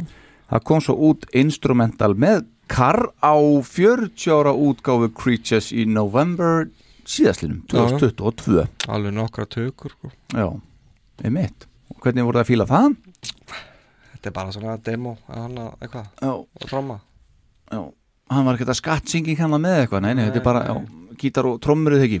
Já, svona aðalega Mm. en er þetta eitthvað sem að hefði virkað uh, Nei. haldið þið með Kiss og Pól að syngja? Nei, og alls ekki á Creatures Nei. Það er bara algjör Það var bara allt önnur stefna sko. Já, já, Já, eru nú hvað, uh, Pól talaði vel um Creatures hann áðan og í, í einslæginu upphafi Já, já, ég menn þetta er líka frábær plata Já, já Það bara kemur út af villum tíma og Já, eins og hann sagði, Og, ég, þarna, ég vildi vera búin að taka málinguna Já, þarna ég meina og fekk það, já. ekki í gegn og svo gá- gáðu út likit upp og hún sló svona mikið í gegn, seldist fjó, fjóru til fimm sinum meira. Bara þið vorum ekki með málinguna ég reyndar samt á því að hún sé tölvört betri svo plata þannig að hlýtur hún spila það sinni en ég viss um það að það auðvitað komið við söluna líka þeir voru Já, með nýtt lúk Já, já. Já, En að- kannski hefur líka Það er alveg bara bjar, Þetta bjargaði þeim á þessum tíma. Já, já En svo kannski hefur En það þurfti náttúrulega að vera með plötu til þess að fylgja þið eftir sko, Já, já. sem það gerður náttúrulega líka sko. Já, já, en ég held líka bara að Creatures hafi kannski gefið svona einhverja smá von sem að hjálpaði líka líkið Já. Þú veist bara hvert eru, það er bara ok, við erum konir hingað sko. Þetta er það sem við vorum að gera þetta, þetta er það sem við að gera núna, þetta vorum við að gera áður sko.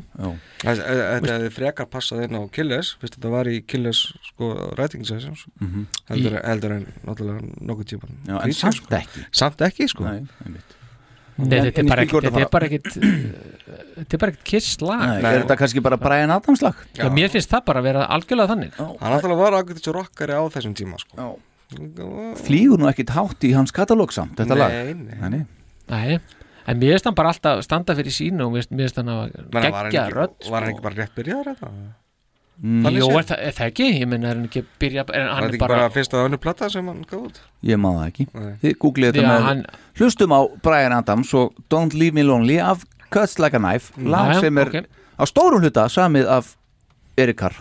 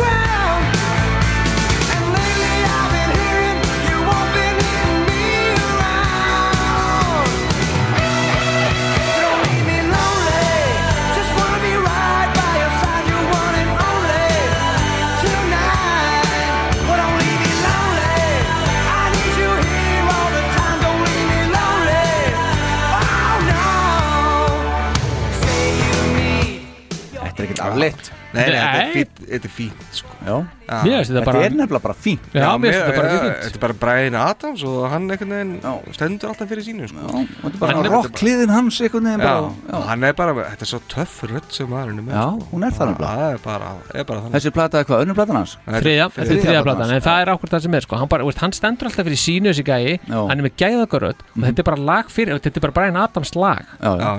Miklu frekar heldur en hérna eitthvað kiss þetta er eitthvað kistlag sko. Er flott gítasólu í þessu og svo er svona kemur svona smá átró sem Já, er líka bara skemmtilegt. Já. og, og það er eina sem mér finnst ekki það er eitthvað svona bakgröð í viðlæðinu sem er svona, já, svona, tekur þetta aðeins niður. Já, en það er einmitt í þeim kapla sem okkar maður er að semja Já, já, það getur vel verið það, hann En heyrið ekki alveg, það, sko. svona, þú fórum í gegnum þessa plötu, hérna, plötu í gæsalöfum, hérna með Erik Carr, heyrið ekki alveg svona einhvern veginn stemminguna sem er í gangi? Jú, jú, algjörlega Já. Já, hérna, Isis of Love og hvað þetta heitir Isis of Love Já, þetta er bara, þetta er svona sami manni. Og svo bara þegar við vorum að hlusta á þetta, þá er hérna taka átta uh, Já, já. sem var gefin út hérna á þessu samanlægi. Heyrum þetta eins.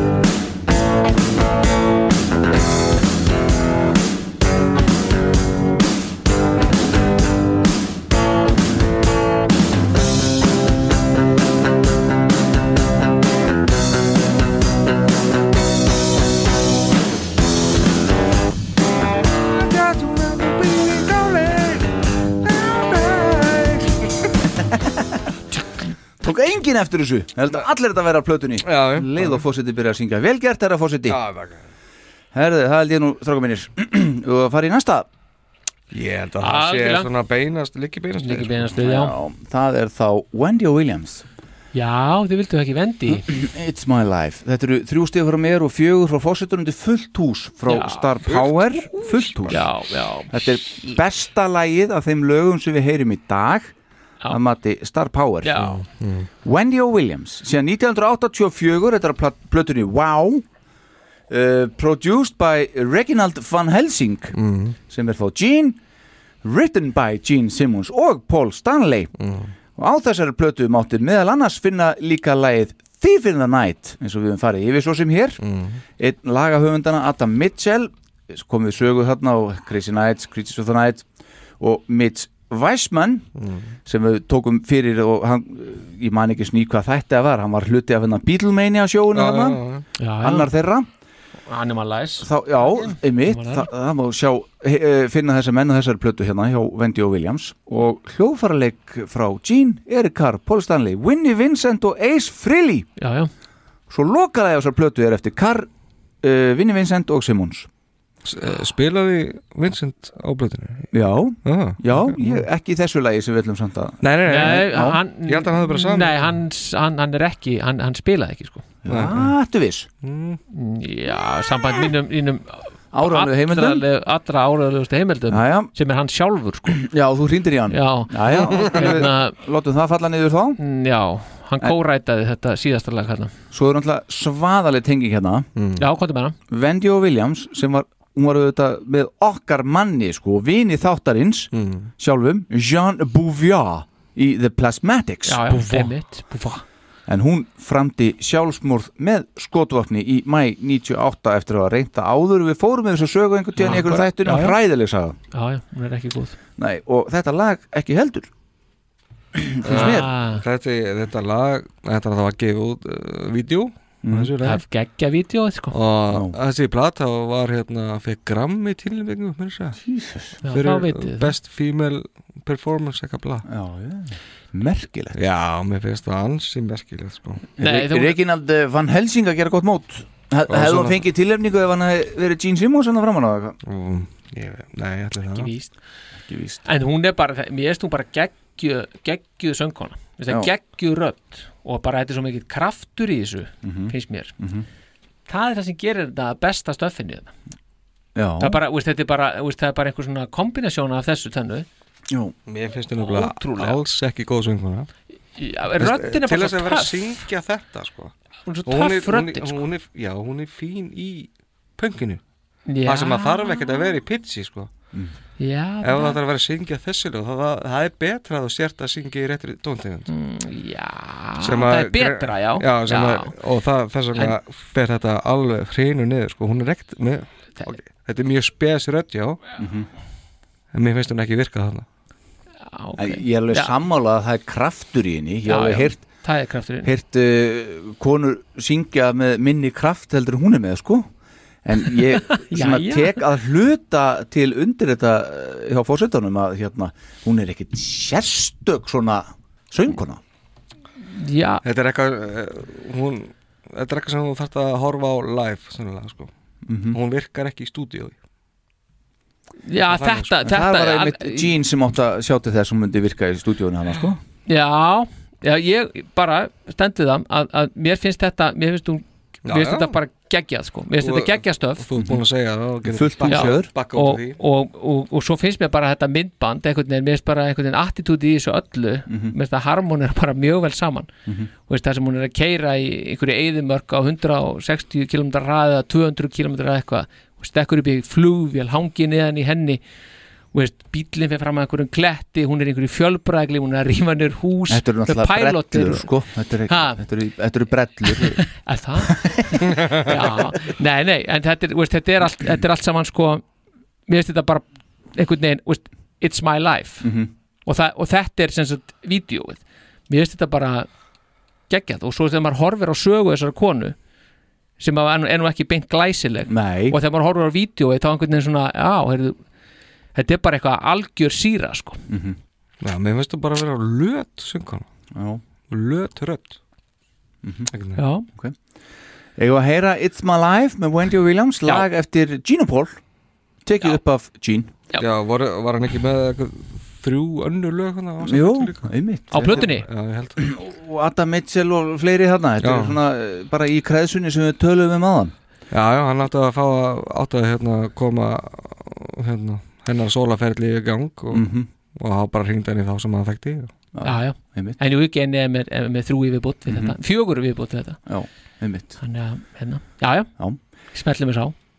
Heyrum Wendy Williams. Yes. I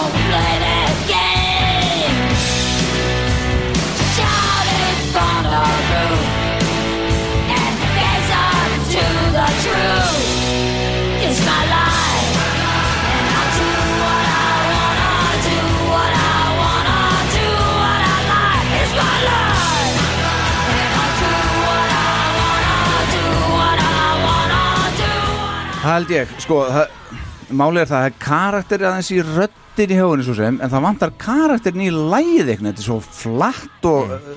nær aldrei einhverju risi Finnst þið, bara, gæti ekki verið meira ósamála en, en hérna, bara, já En besta lagið náttúrulega er eitt af bestu demóin sem maður hefur heyrt með Gene sem er ásar plötur, náttúrulega Legends Never Die sko. mm. það, Já.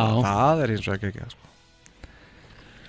En Það er ekki á listanum. Það er einu saga. En þetta Já. lag var fyrir valinu. Já, þetta var fyrir laginum Valinum Já, þegar Pól var líka í þessu. Já, akkurat, ég skil það já, já.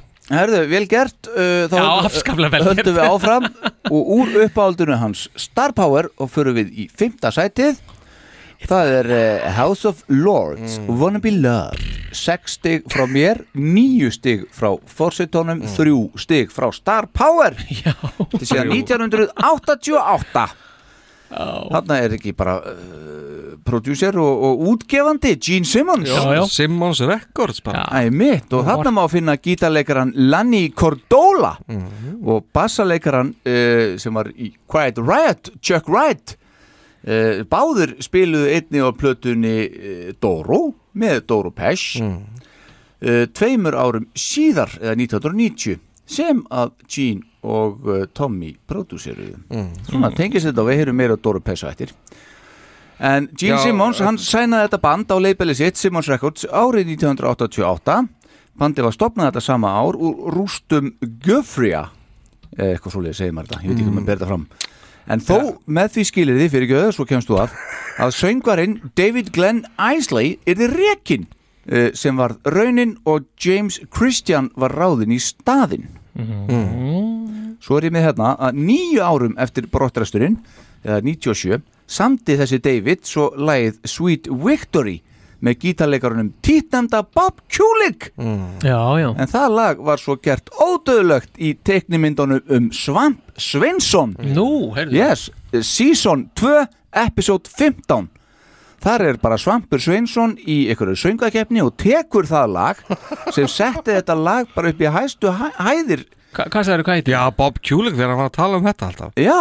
Þetta var bara einn af hans mestu hittur Akkurat, og það, David Glenn Isley sem var rekin úr þessu bandi þarna af beðinni Gene, Það var samti ég. þetta með Bobbaronum Já, já. Þetta lag heitir Sweet Victory. Já, já, ég Ertu, ertu með það? Já, það býti ekki alveg strax Nei, það er ok. að- Já, ég bara talaði aðeins meira aðeins Þá, var að, uh, þá söng David Glenn Isley einnig þrjú lög á sólorplötu Bob Kulik Skeletons in the Closet sem kom út árið 2017 Já, já.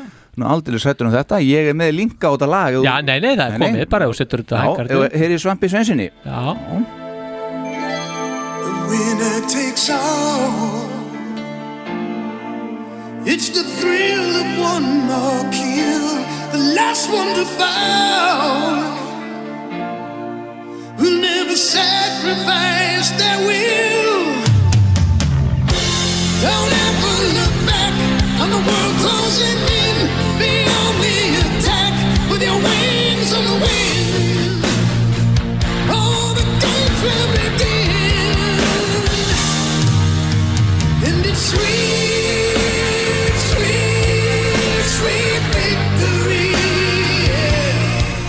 Þetta er náttúrulega bara sko í rauninni að samúður að gerast þarna í Running Up the Hill þarna, hvað heitir lagið þarna? Þú veist, bara mörgum árum síðar er þetta komið í SpongeBob SquarePants og, og er bara þú veist, ekki alveg á sama skala þarna og í hérna, Stranger Things en samt sem áður. Mm. lagið er bara fer upp í einhverja vinsættalista og verður bara þekkt fyrir vikið. Já, já, akkurat. Mögnu saga. En þegar uh, hann alltaf var hljómbasleikar í Angel. Hver? Hann hérna Gufriða Já, já, einmitt, sem akkurat. hann alltaf var á sama leibili og þessi var að Casablanca Records sko. Já, já, var semst gúfriða þar Já Já, þessi sem að var Enn ein upphafið af, tengingin. af þessu öllu saman Já. Svo þetta sé nú tengt saman Einmitt. Uh, Gene gaf út og pródúseraði tvær fyrstu plötunar mm.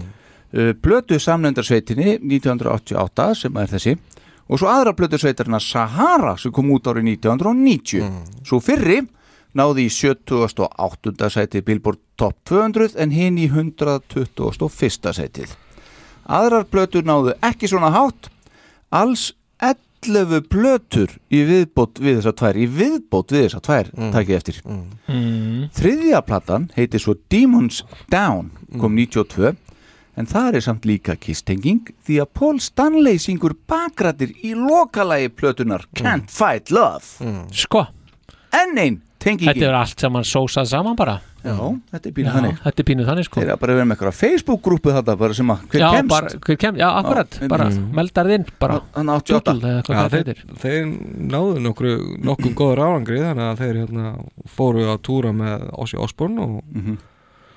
og Scorpions og svo fyrir sko. House of Lords Já, já, já. Mhm.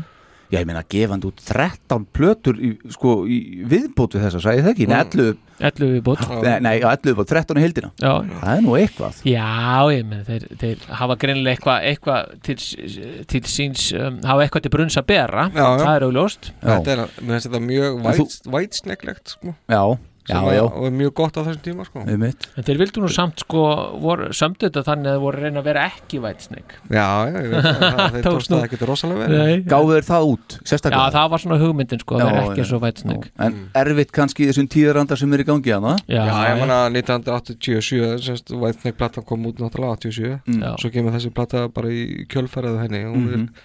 er, er svipuð sko. en þetta er vel prodúserað þetta er vel spilandi band og geggjaðu söngari æsli Mhm. þannig að ég hafði mjög gaman að þessu þetta var eitt af þessum matur sem að ég hlustaði á Mhm. í gamla dag Mhm. og fílaði vel Já Já, einhvers stað las ég það að þetta væri sko svona einhverju lista við bestu lögin sko Mm. sem að House of Lords hafa sett saman þetta, þetta- væri, þetta- þetta, lag? besta þetta var besta Já, já, ok. Þetta náði sko, þetta var svona fyrsta smáskjana fyrstu plötunni. Það kemur mér ekkert óvart ef, að- ef að fólk sem að hlusta eða var að hlusta á rock á þessu tíma og powerballaður það hljóta að þekka þetta lag. Já, já, og þetta, þetta náði semst 58. sæti þetta lag. Já. það er smáskifan sko Ok, það er ekkert alls slæmt. Nei, Nei, ekki það- þennan tíma sko ég meina Ekki maður myndi alveg mikið- taka það sko en maður ætti lag á 58. sæti Já. á hot 100 reyndar ekki, eh, ég veit, úst, þetta er svona margir listar þarna Já, já. en, en ég meina það samt er eitthvað en, en ég bara, já ég, þetta er mér finnst þetta bara ekki gott. Nei, nei, er alveg gott. Þrjú stig frá þér. Mikið verða en Wendy og Williams allavega. Já. eins og allt annað á þessum listan Þa, það, það er, þetta er nefnilega þetta er nefnilega hérna viðlægið er alveg agalegt sko. Ég fæ alveg voðalega voðalegt þar sko. Færið alveg voðalega voðalegt? Já, það er alveg svolítið þannig. Ok. Að heyra þetta? Skellum í. Þetta. Wanna be loved, House of Lords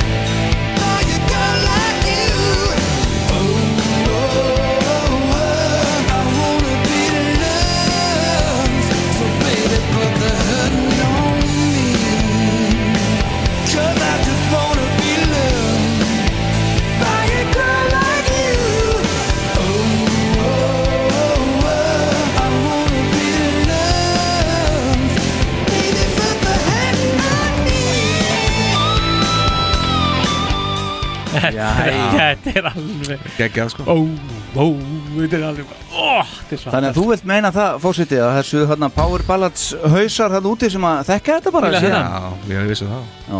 já, já. En, hvernig dettur þeim í huga að gera þetta? Wow, wow Já, hvernig kemur það út? það, þarna þarftu bara að Komur vera vel út bara. Nei, þetta kemur bara alveg ofsalega ekki vel út. Hvað segir þú allir um wow, wow Sko, já, mér finnst alveg virka í þessu lægi, sko, ég bara segja alveg eins og er. Þetta er, þetta er bara þannig lag. Nei, þetta er nefnilega ekki þannig Það er bara alls ekki, sko. Æja, þetta, ok. þetta á klárlega að vera húkurinn.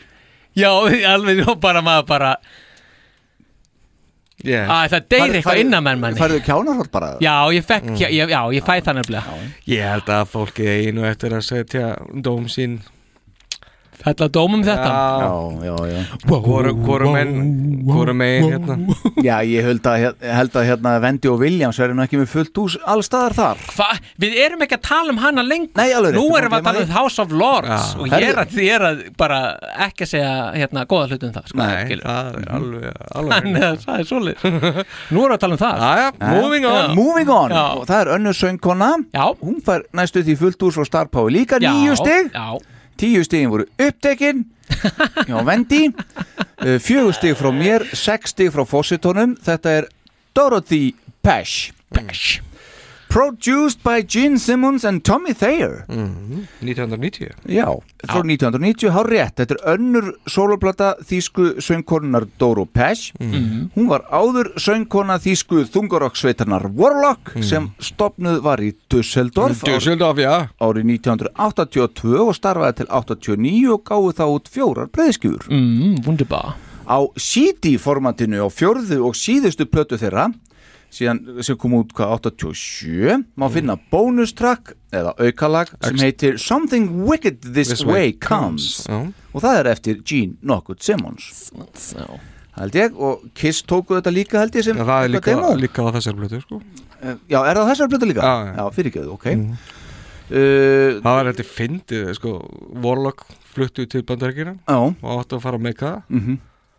svo komuður og töluðu við hérna sérst uh, hvað það var Geffen held ég Já. Heru, það, voru allir reknir nema hún og svona einhverjir amerískir sessjöngverjar fengir, fengir nú, í bandi er það? og þess vegna bara, nei, nei, þetta ekki, ég hætt og þannig flosnaði upp á því bandi Já, þetta? já. Jesus, ok uh, En hún, Dóró, uh, sagði síðar í viðtali að Gene Simmons væri langt besti producer sem hún hefði unni með ever Já, Ever. sko. yes. En auk Gene og Tommy má finna í hópi lagahöfunda á þessari plötu þá Adam Mitchell og Óskarsveluna hafan og kvikmynda tónlistar mannin Hans Zimmer Zimmer, já, sem já. og texta uh, eftir uh, já, já, sem og texta eftir Grammy og Óskarsveluna hafan og texta höfundin Will Jennings. Já, það er ekkert annað. Og hann samdi meðal hans textan í My Heart Will Go On Mm. Celine Mm. Dion og Tears in Heaven. Já. Uh, auk alls þessa sem ég tel upp hér þá spilar Tommy Thayer nánast allan gítarinn á þessari plötu hér. Mhm. á móti heyriði nú Lanny Cordola úr hljómsveitinni House of Lords sem við tókum fyrir hérna áðan. Tengingarnar eru fáránlegar. Já, þetta er bara eins og í Það er náttúrulega má minnast á einn annan sem að spila trommur á, þessum- á þessari plötu. Já, hvað er það? Mr. Kevin Valentine. Hættu Er, er, er, er það Valentine? Já, er Valentine er komin að Er Valentine sjálfur þetta? Já, hann, hann fær Var þetta það? hér Þetta var ekki hann samt. Nei. Þetta er magnað strókar Já, já, hann er þarna helvískur. Já, og svo á, á, á þessar plötu, þetta er ekki búið strákar mínir. Nei, nei. Nei, nei, Á þessar plötu má finna Black and Blue cover. Mm. á, já. Rock On sem Tommy og félagi hans úr Black and Blue söngarinn Jamie St. James Yes. sömdu á samt Gene Já, og var sem sagt opnunarlag fjórðu plötu þeirra. Já, sem var pródusöða Gene auðvitað. Já og til að halda þessum tengingum ennþá lengra Já. þá var þetta Jamie St. James líka í Kiss coversveitinni Cold Gin. Og Akkurat. þá sem trommarinn. The Catman En hann samti líka hérna, In My Head með Á- Gene. á og Scott, já, á og Scott Van Zen hinn hinnu fræga Hinum sem fræga. tóku Já, sem fyrir við spil- hérna í, já, einmitt, Sem tóku að- fyrir karneval þættinum Svo náttúrulega cover hún Only You á þessari plötu. Já. Af veldir. Hugsið ykkur og þannig er lag sem heitir Alive. Mm. á þessari plötu. Aðeins fann að tegja þetta sem sagt með Something Wicked This Way Comes og, og Mirage. Mm, já, á einmitt þessari plötu. Þetta er alveg magnastrákar Já, þetta er nefnilega geggjað. The Queen of Metal Bara- Mrs. Dora Pesh þegar maður fyrir aðeins að dífa tánum í þetta þetta er bara, þetta er bara út um allt. Já, Já, já, þetta er bara eins og á, á, á góðu almenni salerni sko. já skilur Allir með öllum sko. Býtu, Nei, ég bara, ég Ég hef bara fann ekkit betra til að segja. Nei, ég mitt að það besta svo Hvar hefur þú verið? Nei, mitt Í Dusseldorf Í Dusseldorf, Ég er að fara þangað eins og það núna í mars. Ó. Dusseldorf Áskaldu að fara á almenningssalinn. Já, ég ætla að finna það. Herðu, ég var að finna Herðu, Unholy love. Unholy. Ekki gleyma því líka. Já, en, en það er líka Rare Diamond Black. Diamond, einmitt! Platan Já, já. heitir Rare Diamonds, fyrir ekki Já, það er líka, það er líka lag sem Já, já, já, einmitt. já, platan, já, já. Ég var að heyra í Doro Pesh Ma, Sko, ég er að segja ykkur að því ég var að undirbúinu þátt Ég var að fann að hlæja. Þetta var svo mikið að tengingum. Ég var bara, Já, hvar á ég, að draga línu? Já, já, þetta er súralist rugl. Heldur betur. Já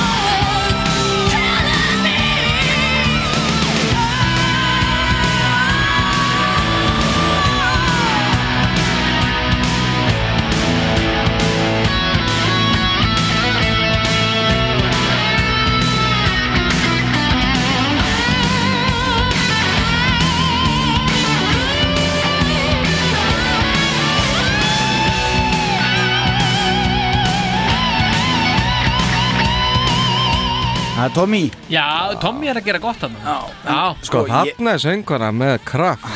Já, og þetta er karakter. Já, hún er geggjuð, sko. Og ég held þú ætti nú að endur sko að það að setja þetta í Allir rólegur. Hvað ekki er þetta? vendi fyrir ofan þetta. En ég er nefnilega sé eftir að gefa þessu, ekki gefa þessu lagi meira sko. Ég gaf því fjögustig sem er dónalegt. Það er náttúrulega bara, ég veit ekki hvað er neysa. Já, það er já, kannski eitthvað meira en það, en ég ætla nú ekki að fara út í það. Nei, nei. En já, það er, já. Ég held þú ættir að endur sko, ég held að að endur sko það Já, frekar. líka, bara Ég minnst sko að með setti þetta í annað sætið. Já, já, já Einmitt. En vendi fyrir ofan. Umvandanir Aldrei hér gleyma maður. því. Já. Allt niður um þig. Almáttu góður. Jæja, strákar mínir. Jæja, þa- en þetta er geggjað. Já, þetta er fínt, þetta er gaman sko.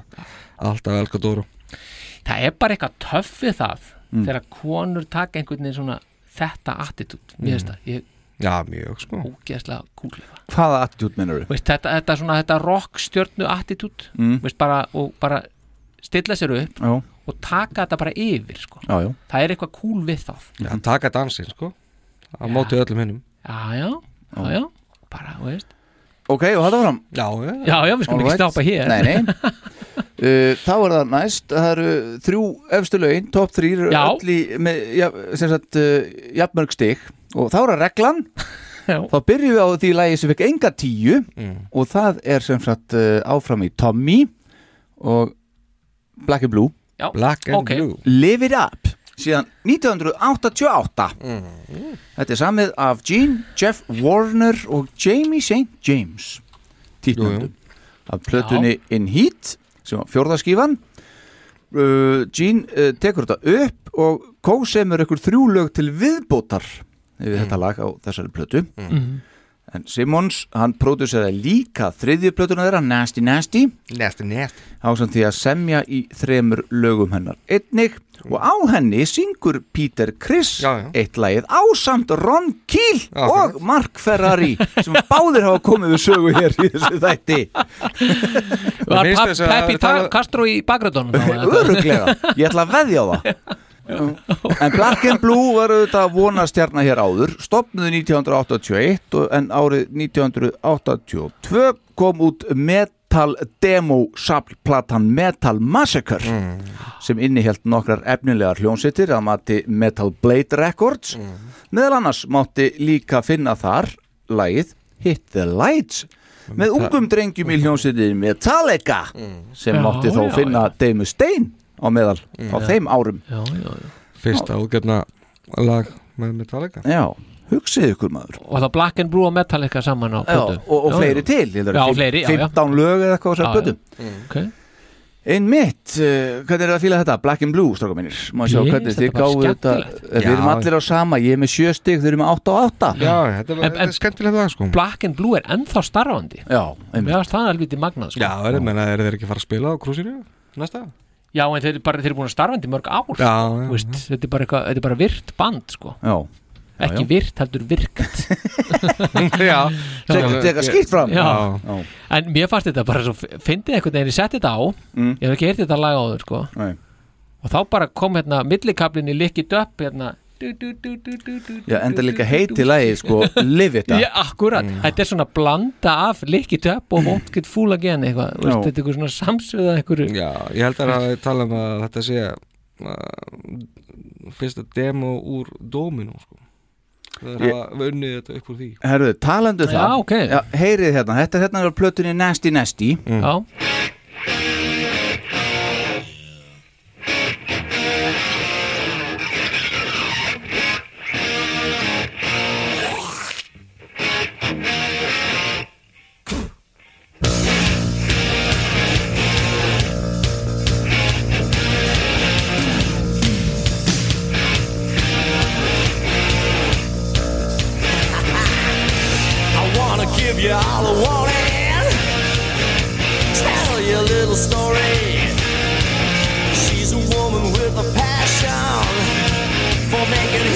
history. She got snakeskin eyes. Já, þetta er svona smá endurvinnsla Já, og maður, maður, manni finnst maður svona kannast við þetta. Já, ekki löst við á Tommy Þeir löngu komur inn í kissuguna og maður hafði hugmyndum á Já. Ha? Já, er, hann er ekkit með Domino, hann er ekkit hérna, hann er ekki kórættir þar. Nei, nei, nei, nei, nei, nei, nei. En það sko, er bara var- demo frá, bara, frá Gene sko. Já, og, og Gene semur þessu lagi og, og pródussaði næstu plötu sem þetta lag er á, Nasty Nasty Já, og, já. og þetta lag heitir Nasty Nasty. Þetta Já. er bara titillagi á þeirri plötu og hann Ok. tekur hann upp og er sem sagt semur í þessu lagi og maður svona heyrir hvaða kapla hann samt í jafnvel. Já, já. Magnað stöf.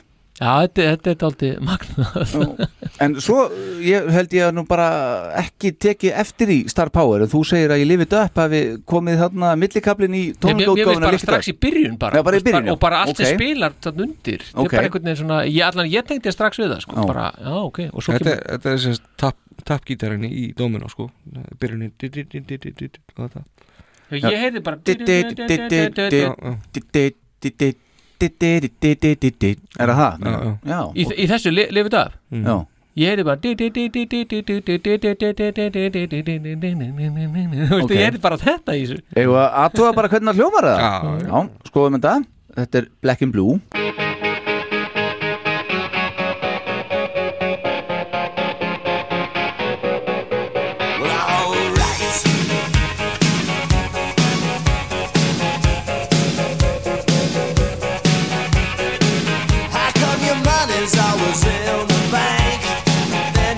say you broke.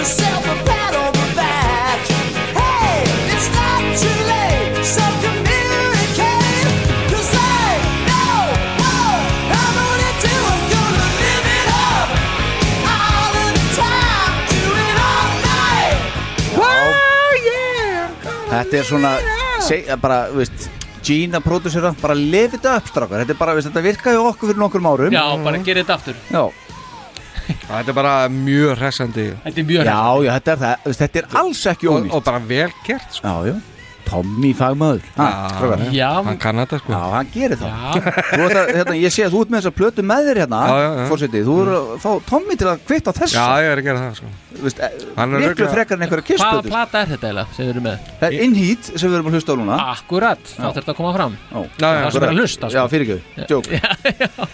En varandi gítarinn hann er uppafi Ég held að bara þið báðir hafa svolítið rétt fyrir ykkur. Ég að Já, er ég heyri alveg þetta sem þú ert að meina líka Star Power Já. Þannig að mér líkit upp dæmi. Svo heyri líka bara í hérna The Who. Já, það, það er náttúrulega þetta hú sko. Sem að hann var að tala um sem ég var að tala um. Þannig að ég líkit upp sko. Já, won't get full again. Já, einmitt, Who, akkurat, nákvæmlega, sko, já. einmitt. Askoti gott, stráka mínir. Er það bara annars hættið eða hvað? Var þetta, var, já, já, núna, já, í annars já, já, Já, það er ekki opinber slagsmáli að, að þessu sinni. Og það, bæði hinn lögin sem eftir eru fá tíu En það sem að Já, annað fær, ökkurum okkar, já annað fær tíu frá fósitónum sem er með fósitavaldið Þá förum við í þetta lag hér. Þetta er eh, hljómsveitin New England. Þetta er tíu stig frá mér. Fullt hús, takk eftir fullt hús! Sjö stig frá fósitónum Sex stig frá Star Power.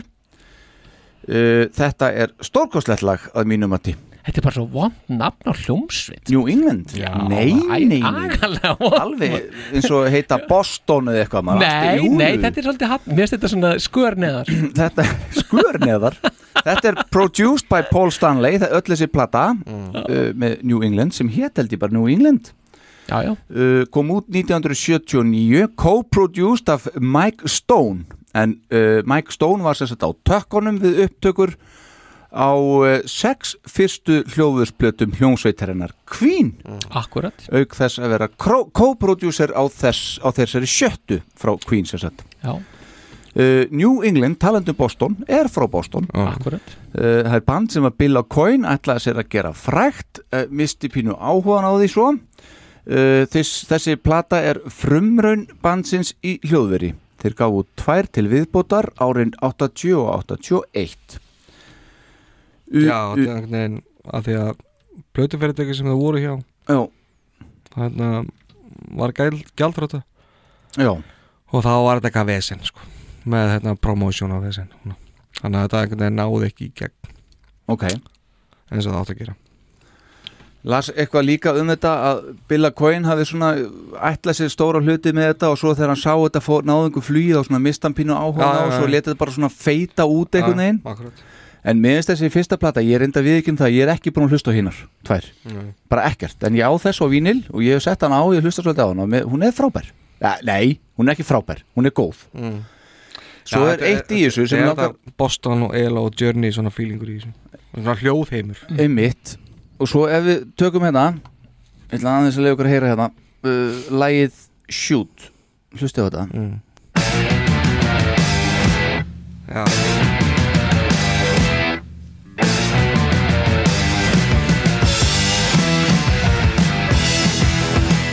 Ja, ma maður kannast nú aðeins við byrjun á þarna stráka mínir. Do me spit to me Ljómar einmitt svipa og spitt af Revenge sem er samið af Gino Paul auk hins fræga Scott Van Zen Já, sem minnstu á hann Já, já. sem að samti hérna minni í Carnival hann er Revenge platan, þessi góða plata sem kom hann allt í hennu í smettið okkur hún var svolítið Hún er bara- endurvinnslega henni Já, svona skotin af, af, af, af New England. Já. Og Black and Blue. Já, Black and Blue. Nei, nei, svo bara minnast á að Vinnie Vincent hafði náttúrulega tengingu við New England. Já, hvað er með það? Nei, hann var bara, þeir, þeir, þeir unnu með Þessi Vincent þegar, að, þegar að New England hætti Já. þá semst, byrjuðu þeir allir að æfa með Vinnie Vincent. Já, í bandinu Warrior. Warrior. Já, þetta, Warrior. þetta voru þeir já. Já, já. Já, þetta eru þeir. Þetta, Já. þetta myndi ég ekki En við held að við höfum komið inn á Já, þetta Já, já, við höfum þetta, já, já. Bara, Þetta er náttúrulega common knowledge sko. já, jú, jú Þetta er bara, þetta, þetta er að gerast ní- 82 svo bara fyrir Já, við ég var bara búin að gleyma þessu, ég var þryggjar Já, Já, þú varst nefnilega þryggjar á voru að tóka upp demo og svo allt í hennu bara fóru að vinna í Kiss og þannig að þetta, það leðist út á. Sem er nú ennin tengingin kannski? Já. Já, akkurat. En við erum búin að fara yfir þú veist, uh, ansi mörg lög og við höfum ekki ennþá minnst á Mark St. John Nei, kalla en- ángin En samt áðan þarna þegar Stockholmur var þarna Paul var og Dean og allt þetta þarna með Detroit Rock City. Já, það var bara, það var ekki um þess að þennan mál, málefni, það var í Nei, upphafinu Nei, nei, bara upp að minnast á hann sko. Já. Það var mynd samt af Mark St. John á, í vídjónu sem að ég var að spila. Ok. Þannig að það getur Þó, þó hann hafi ekki spilað. Þó hann hafi ekki spilað vissu því að hann var hættu þá var það komið til skila. Já, þannig að það er- er tenging við Star Power er búin að hugsa til hans í dag. Þetta er markar hans mann En hvernig, eru þið ekki að fíla þetta lag, Punk? Jú, jú, Jú, Mér finnst- það fínt sko. Það er bara uh, Það fyrir ekkert meira en það sko. Nei. Já, þetta er bara skemmtilegt. Já, veist. Það drullu góður rockari, sko. Já, ágætist lag. 79 rockari Já, já En finnst ykkur ekki gaman að fá Escape from the Island fítusinn hann inn í, inn í lagið? Í þetta lag? Já Flensurinn hennar Nei, ekki bara svona, æ, það ekki svona Já, þú ert að meina, það er svona pínu blöytt svona Nei, nei, nei, það er bara hann að hann að, æ, þið heyrið það bara, ég get ekki verið að syngja Já, það, ok. sko Já. Ha. Nei, ok, ekki syngja það spennandi. Nei, það er spennandi. Eða að heyra New England og Punk Ja, yes. Síðan 1979 Já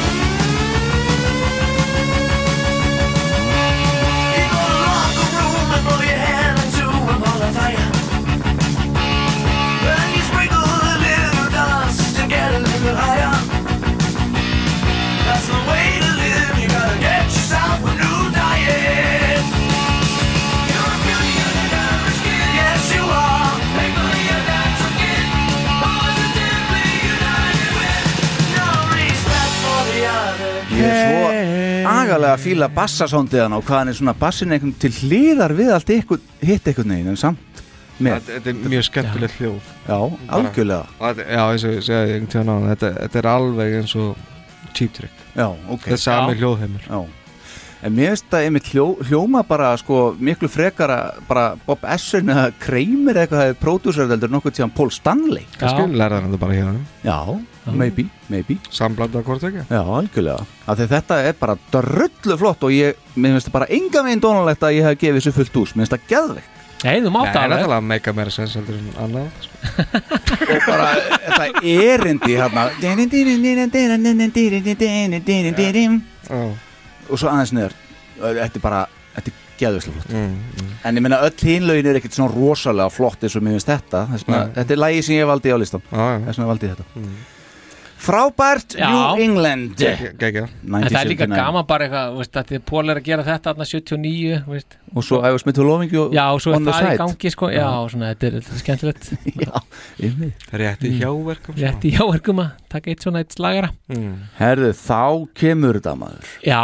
Besta lag uh, af þessum tíu að mati þáttarins. Það kom mér á óvart allavega að þetta skuldi hafa ná að þangað sko. Já, þú gefur þessu fullt hús Já. Herra fósiti uh, Ég gef þessu næstuði fullt hús Níu stig af tíu Og Star Power er þarna í fjórum. Þetta er uh, í The O A House of Thousand Pleasures síðan 1987 Produced by Gene Simmons En þetta er sem sagt japanst metalband stopnað 82 og starfaði til 1991. Bandið hétt í fyrstu Flatbacker og gáfu út sem slíkir eina demokassettu og svo tvær plötur 85 og 86 Sagt er að Gene Simmons sem próduseraði mitt uh, þeirra næstu plötu uh, hafi fengið þá til að breyta nafni bandsins í E-Z-O Jesu eins og það er borið fram það er svona uppsölunni E-Z-O en það er sem sagt uh, nafn yfir eigarnar norður af Japan. Kalla það Jesu. Uh, Eitt lagið á þessari plötu heitir Destroyer stráka minnir Já, já. Tenging. Og annar lag heitir I Walk Alone. Já, einmitt. Já. Og svo Kiss of Fire uh, Meðal lagahöfenda á þessari plötu má sjá auk Gene sjálfan Jamie Shane James Já, sem er í þessu einmitt. Eh, Meðal annars, akkurat Og Adam Mitchell, náttúrulega líka Já, einmitt Svo er eitt hérna sem ég langar að hérna maður svo, hvað er þetta? Sko, árið 1900 Já, nú kemur spurningkefni Já, ok, frábært Sko, málið er það Já. að uh, Gene Simmons Já. er pródusser Já. Uh, Mick Jagger hann hefur líka verið pródusser Ok. uh, Árið 1988 sem er árið síðar heldur en uh, EZO gefa þetta út þá gefur nefnilega hljómsveitin Living Color Mm. út lagið Cult of Personality af sinni fyrstu plötu Vivid og hún er sem sagt uh, produced af Mick Jagger okay. En við skulum heyra hans Living Color og ég segi heyrið gítarinn.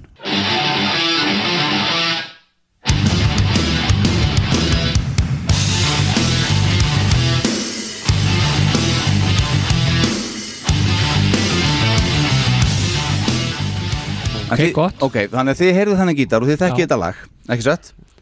Ég heyrði gítarinn. Akkurat, þú þekkir þetta líka herra Starpower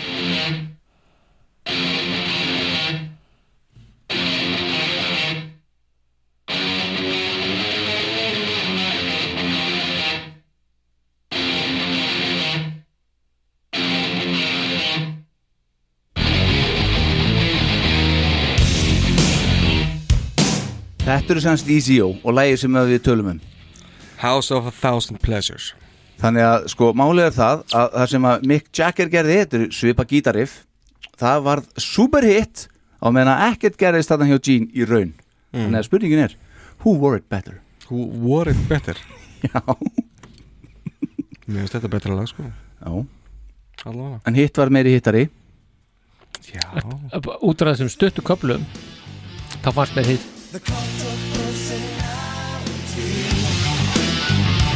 know your anger. I know your dreams. I've been everything you wanna be. Oh, I'm the cult of personality. Like no. Þetta er náttúrulega sama riffið þarna sko Já, já, já, já Já, það var semst það sem ég ætlaði að fara með þessum og ég hérna var búin að gleyma þessu og svo sé ég þetta inn í punktunum mínum og svo langt sinni undirbjóð þetta, ég vissi ekki hvað ég ætlaði að gera það Það er nú örgulega pródusið þetta betur að ég munna það. Já, Já, en fegst eitthvað niðurstu? Nei, svo sem ekki. Þetta er náttúrulega allt öðri sér þetta er meira pop og meðan að sko EZO er svona meira heavy. Mm. Þannig að. Sem að mér finnst alltaf betra. Jú, jú, akkurat Já, já, já En þeir sem ok. sagt, EZO uh, gáfu út uh, einar plötu við bótaðanður hættum, það var platan Fire Fire, hún kom út árið 1989 Mm. En eftir þeir hættu, Já. þá færði söngvarinn og aðal spýran í sveitinni, Masaki Yamada hann færði sig yfir í bandið Loudness Loudness. og söng með þeim til ásins 2000 meðal annars inn á plötuna Hurricane Ice Mm. sem var einnig gefin út á ennsku í The USNA og náði ágætum árangri þar. Mm. en hana próduseraði engin annar en Eddie fucking Kramer. Já, já. Og þessi Masaki Yamada hann býr í dag ennþá í bandaríkjunum í New York og syngur og spilar á bassa við og við með einhverju lokal bandi sem heitir Fire Shine það er í borg á einhverjum litlum klubbum bara og, Ok, og ekki að ríða feitum hesti. Nei, ferillin er svona hennur svona aðeins Dala Dalað. Já, en það er eitthvað í Japanunum samt og þessu metal. Mm. þeir eru að skilja þetta. Ha, já, þeir eru Þetta er ekkert neginn allt annar level sko. Já. Þessi, Þetta er og þeir sem ná í gegn, þeir ná í gegn einhvern veginn. mm, Loudness og já og fyrir miður náðu ECO ekkit rosalega mikið ég Nei, en svo er einn Japanin sem auðvitað nálega talað um þeim, sem er hérna Yoshiki? Já, einmitt. Næstu því, Koichi Fuk Fukuda sem er Fu Fukata Fuk Koichi Fukuto. Koichi. Fukuata Nei. Hann var í Static X. Já. Gítarleikarinn og svona einn af aðal lag, lagahöfundunum í því yðnar industrial uh, bandi. Já, Japanex og svona. Já og hérna og, og svona, sa- þegar hann hætti í Static X þá svona fór soundið eitthvað úr bandinu. Já. svo kemur hann aftur og kemur soundið þetta Static X sound aftur. Og það, ég tengi það bara lóðbeint við hann sem Japana einhvern veginn og í þessu samingi öllu. Ok, ok Nei. Ég hef, er ekki inn í þeim kategóri sko, Nei, nei. Ég þekki það ekki. Nei, ég skora á það að tjekka á því. Já. En þetta er sérst besta lagi á þessum tíu segir fórsetin Já, Já, það er dálítið þannig bara, hann segir það bara. Þetta er Þetta leynir svo á sér sko. Já. Þetta, mér fannst þetta vera of hægt til að byrja með Þetta mm eru fimm mínútur rúmar held ég Mhm. En svo vinnur þetta svo mikið á sko. Mhm. Svo mi- mismunandi kaplar sem að vinna svo vel saman Mhm. og þetta er svo dulafullt Mhm. og er samt svo gott sko. Dulafullt og seiðandi Já, ok, ég er þá ennþá bara á kaplanum að þetta sé það sem að maður upplifir þegar maður er fyrst að hlusta á þetta Já. Því mér varst þetta svona bara einhæft og þreytandi. Mm. en, en, en það er alveg sko að, veist, maður finnir alveg það er alveg svona stöff í þessu sko. Já. að mér veist En bara, bróin í þessu lagi er stórkostleg finnst mér. Sándið á þessar plötu? Já, er ekki bara nokkuð gott? Mér finnst það. Já, Já, mér finnst bara, ég er ekki komin í japansku, hérna, japanska stöffið sko að þeir sé að syngja og spila svona, það er einhvern veginn, ég bara sé þetta ekki fyrir mér, sko, það er stórkostlegt að sjá einhvern Japana að vera veist, og gefa frá sér þessi hljóð. Mm Mhm. Akkur var tölvan að slökkva á sér núna, er ekki rafmagn á, á innstungun allir? Jú, jú, annars væri ekki rafmagn á þessu mixer hér En af hverju er þetta? Akkur, veist, er, er, bara, er, hún, er hún bara hægt? eða? Nei, þetta kom hann. Já, já. Ah, ok, herru, já. Dúlum Já. En mér, mér finnst það bara, og sér- mér finnst það sérstaklega með söngin sko, að þetta sé Japan að syngja, ég hefði aldrei giska á það svona Nei. og spurður sko. Já, þetta er, ekki neð situr bara eftir sem, já, þetta er það sem að hafði mest áhrif á mig á þessum lista. Mhm. Hlusta, Hlustaður á þetta back in the day þá eða hvað? Mm, ég, Nei, ég myndi bara eftir þessu þessu logoði eða þessu albumkofri sko. Mhm. en ég man ekki eftir að hafa hlustað ég hlustaði á Loudness Mhm. ég hlustaði Japan X frá Japan, að það er ekkert annað sem ég náði þannig í gegn sko þetta er ekkert ósvipu pæling og einmitt uh, hérna sem var, hvað, hvað hljómsd var það? System of a Down? Já, já, ekki? já, þetta er bara mjög svipað Já, með hendinni fram á hann Já, já Herðu, að heyra þetta og koma aðeins inn hann að þú eru búin að heyra allan að brunna og eitthvað mm. Já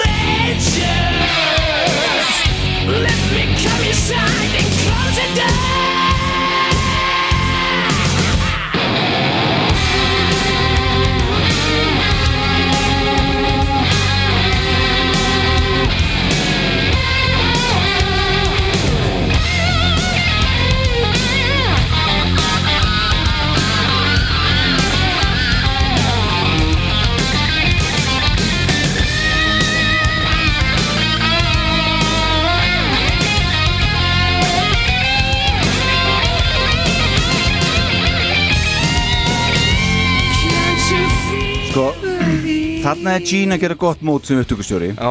En maður samt hefur tilfinningunni að þarna er band mætt í stúdíóið með allt sitt upp á tíu Já, já. Japanin er það sko. Já, þeir eru bara, þú veist, brjálaðislega vel æfðir og með þetta algjörlega upp á tíu, góðu hljófaralegarar vita hvað þeir vilja en samt heyri maður einhvern veginn smá svona í Gene eitthvað svona, er einhver fingraför hann Í þessu öllu. Þetta er bara nokkuð vel gert og ég get alveg samþýtt að þetta sé í efsta seti Svo, svo kemur aðeins ræðari kapli á eftir sko. En það er rosa kærkomið sko eftir innan, þetta riff þarna Mm. að þegar það dettur í viðlæðið þá er svona losna lægi aðeins um og það er svona smá að fljóta meira Já, er þetta ekki bara beint í viðlæð? Það var ekki brú í rauninni Já, bara, Já, já, já, það sem að, Já, veist, það var svona já, veginn losnar Já, úr já, svona þessum, þessum uh, Já, já, já, skil. og það er svo kærkomið og gott þegar það Mhm. kemur Mhm. Flott lag Já. Tótali Þetta er náttúrulega ekkert Vendi og Williams en, en gott enga síður já. Þetta er ekki Wendy og Williams Nei. It's My Life, það Nei. er alveg ljós Já. Nei, þetta er, er ágætlega gert en já, þetta er bara eins og það er Ágætlega gert Já, Já, ég ágæti best Er það ekki? Mm. Nei, ég meina þetta er ágætlega gert og það, þetta er bara, þetta, mér finnst þetta bara ekki skemmtilegt Nei, nei. Og það verður bara að hafa það. En sem betur fyrir er uh, mísja smekkurinn. Mm. Jæja, stráka mínir, þetta eru sem sagt uh, Glataði eitthvað komið Nú, af hverju? Nei, bara. Það var, ef að allir eru með sama smekk þá væri ekki stigagjöf hérna. Nei, nei, við skulum bara, við settlum það bara svo Já. Þetta er bara, ó, hvað ég feina skulum gera eins Já, hérna, nú, þessu ættamóti loki Já, þessu ættamóti loki En hérna, já, er þetta ekki bara nokkuð gott? Taka þarna Jú, þetta, þetta var alveg ég verði viðkynna, ég var nú ekki með þetta alveg á hreinu þegar, þegar ég opnuði á þetta sko, eins og kom nú fram í, á, í spjall okkar. Já, já. þá ég held ég veldum að fara aftur að fara að spá í kórætt lög sem hefur verið kórættir sko, kistlög sem Já, hefur já. Þannig að ég var nú ekki betur að mér í þessu en þetta. En þetta, mér varst þetta aðeinsvert Já, Það er náttúrulega, má minnast á náttúrulega Bonfire sem að náttúrulega gá út Sword and Stone. Já, Já. Það var geggja já, Já, þeir náttúrulega, já, er mitt Já, þeir náttúrulega, já, þetta hefur náttúrulega aldrei komið út með Kiss þannig að Nei, þeir- nei, en hefði alveg geta verið á svona lista samt sko. Já, já. En það, við gátum ekki sleppt Bad Candy. Nei. Nei, Og ekki það er Vendi. Nei. Nei, og ekki Vendi Nei, og, nei. og ekki, ekki ESO hann þetta ETSO ECO ECO en, en þetta er, já já, ég meina þetta var því náttúrulega að gera lungan af, af hérna 80s, nýjönda áratögnum já. mm meðan hann var ekki að leika í stórmyndum. Já, já, bara setni parturinn á Netties bara var í þessu sko. Já, já. Nei, 80s, 80s, já. þannig þannig að hérna, það er gott að kofera þetta svona í, hérna, í 77. þætti. Já, já, þetta bara komið á, á, á teip blað, á, teip, ymmi Já. þetta er ódöðlegt Akkurat þessi yfirferð. Ódöðleg, uh, en hva, hvernig er næsti þáttur? Sko Er næsti þáttur eða? Já, það er næsti þáttur. Ok, Já, já. það er númer 78 þá. Já, og það er nefnilega að það sé 78 Já, út á dollu þó. Út á dollu. En, en við getum allan að gefa það upp að það verður kistáttur eiginlegur, ekki uh, Já, það verður ekki framald af þessu. Nei. Og það verður ekki svona texta þáttur heldur. Nei. Við erum alltaf eftir að, að setja síðasta hérna á Er það? Man það ekki? Bara mann það ekki Nei, við erum að fara í tíunda til átjönda þátt til að finna það, hvort það einmitt. En já, já, en jú, við, við ætlum að koma áttur Mhm. fyrir en Ok. síðar Ok, með stöf alright Það er eitthvað sem að Star Power er með í pípunum og, og ég hlaka mikið til að fá orders frá þér hvað hérna, hvað vilt að ég geri undirbúi, þetta verður mjög spennandi. Já, já, Já, það er mjög spennandi, já, ég verður að segja mér er þetta líka mjög spennandi að vita hvað það verður. Já, En að það er verður eitthvað. Það er allir spennandi. Ætlar, ætlar þú, fyrir ekki þeirra fórsviti ætlar þú að deila þessum playlista með uh, hlustendum? Ég get alveg gert það. Svona, eftir að þátturinn kemur út? Já, allavega áttalögum Já, það er vantar tvö á Spotify. Já, því miður eru náttúrulega næstu því tvö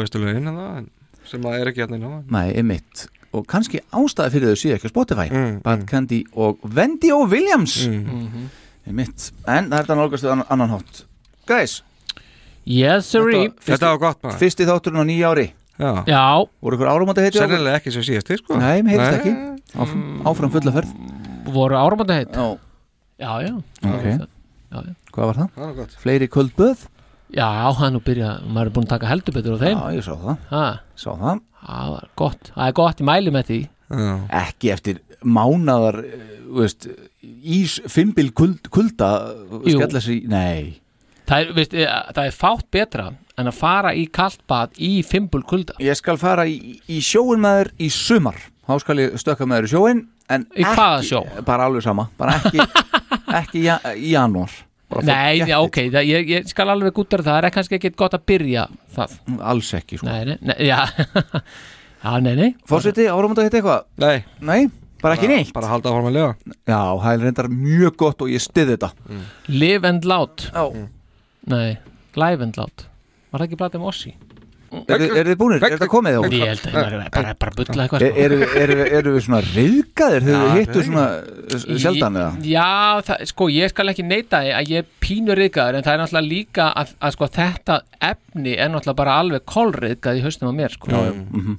Þannig að Já, ég minna þetta þú ert ekki alveg heimavellið þannig Já, ekki ég heldur, þetta er Nei. ekkert voðalega slípaðu demantur þarna í mínum kolli, skal ég segja Nei, nei, nei Þeir eru komin í House of Lords og, og, Já. og Ronny Spector Já, já. og eitthvað Nei, við náðum að draga fram Willi og fleiri Já. Ánægð með það Já, Kíl Og Kíl Ron Kíl Herðu, uh, við langar að enda þetta á uh, upptöku frá 16. ágúst árið 2015 á góðgerða tónleikum fyrir langveik börn sem framfóru á Lucky Strike klubnum í Hollywood sem Ok. er bara cirka 500 manna staður.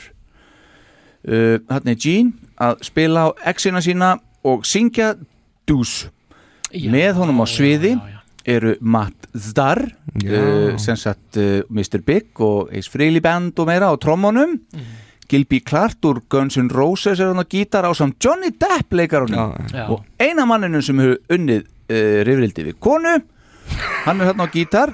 Ekki borga fyrir það. Og já og hérna uh, svo gítarleikarin er hérna líka Nuno Bendencourt úr. Extreme sem spilar í dag með Rjönnu. Já. hann er eitthvað hann að sprikla með, með því með þessu ég sá hann ekki spila mikið en hann er hann Já, en, en, en það er alveg, sko, Gene er alveg rosalega góður hann maður. Svaðalegur. Hann er rosalegur, sko. Alveg geggjaður. Og veist, hugsa sér að vera þarna 500 manna klúpur Já. og vera bara með fremstu mönnum þarna og horfandi á þetta. Þetta er svo geggjað. Drullu sándar sko Já, Þannig er kollan góða maður. Já, já. Hjálmurinn. liggur eins og slæða þarna yfir. Fyrir að tala þá höfuð á Gene endilega, já, já. Endilega finnið þetta á uh, YouTube Gene Simmons og Johnny Depp perform Deuce with Matt Starr, Gilby Clark og Nuno Bettencourt finnið þetta á YouTube. En við ætlum að hlusta á þetta núna hins vegar. Já. Geggjaður, Geggjað, geggjað. takk fyrir þátt Bara nummer takk sjö fyrir þessu og sjö. Takk, takk, takk, bye,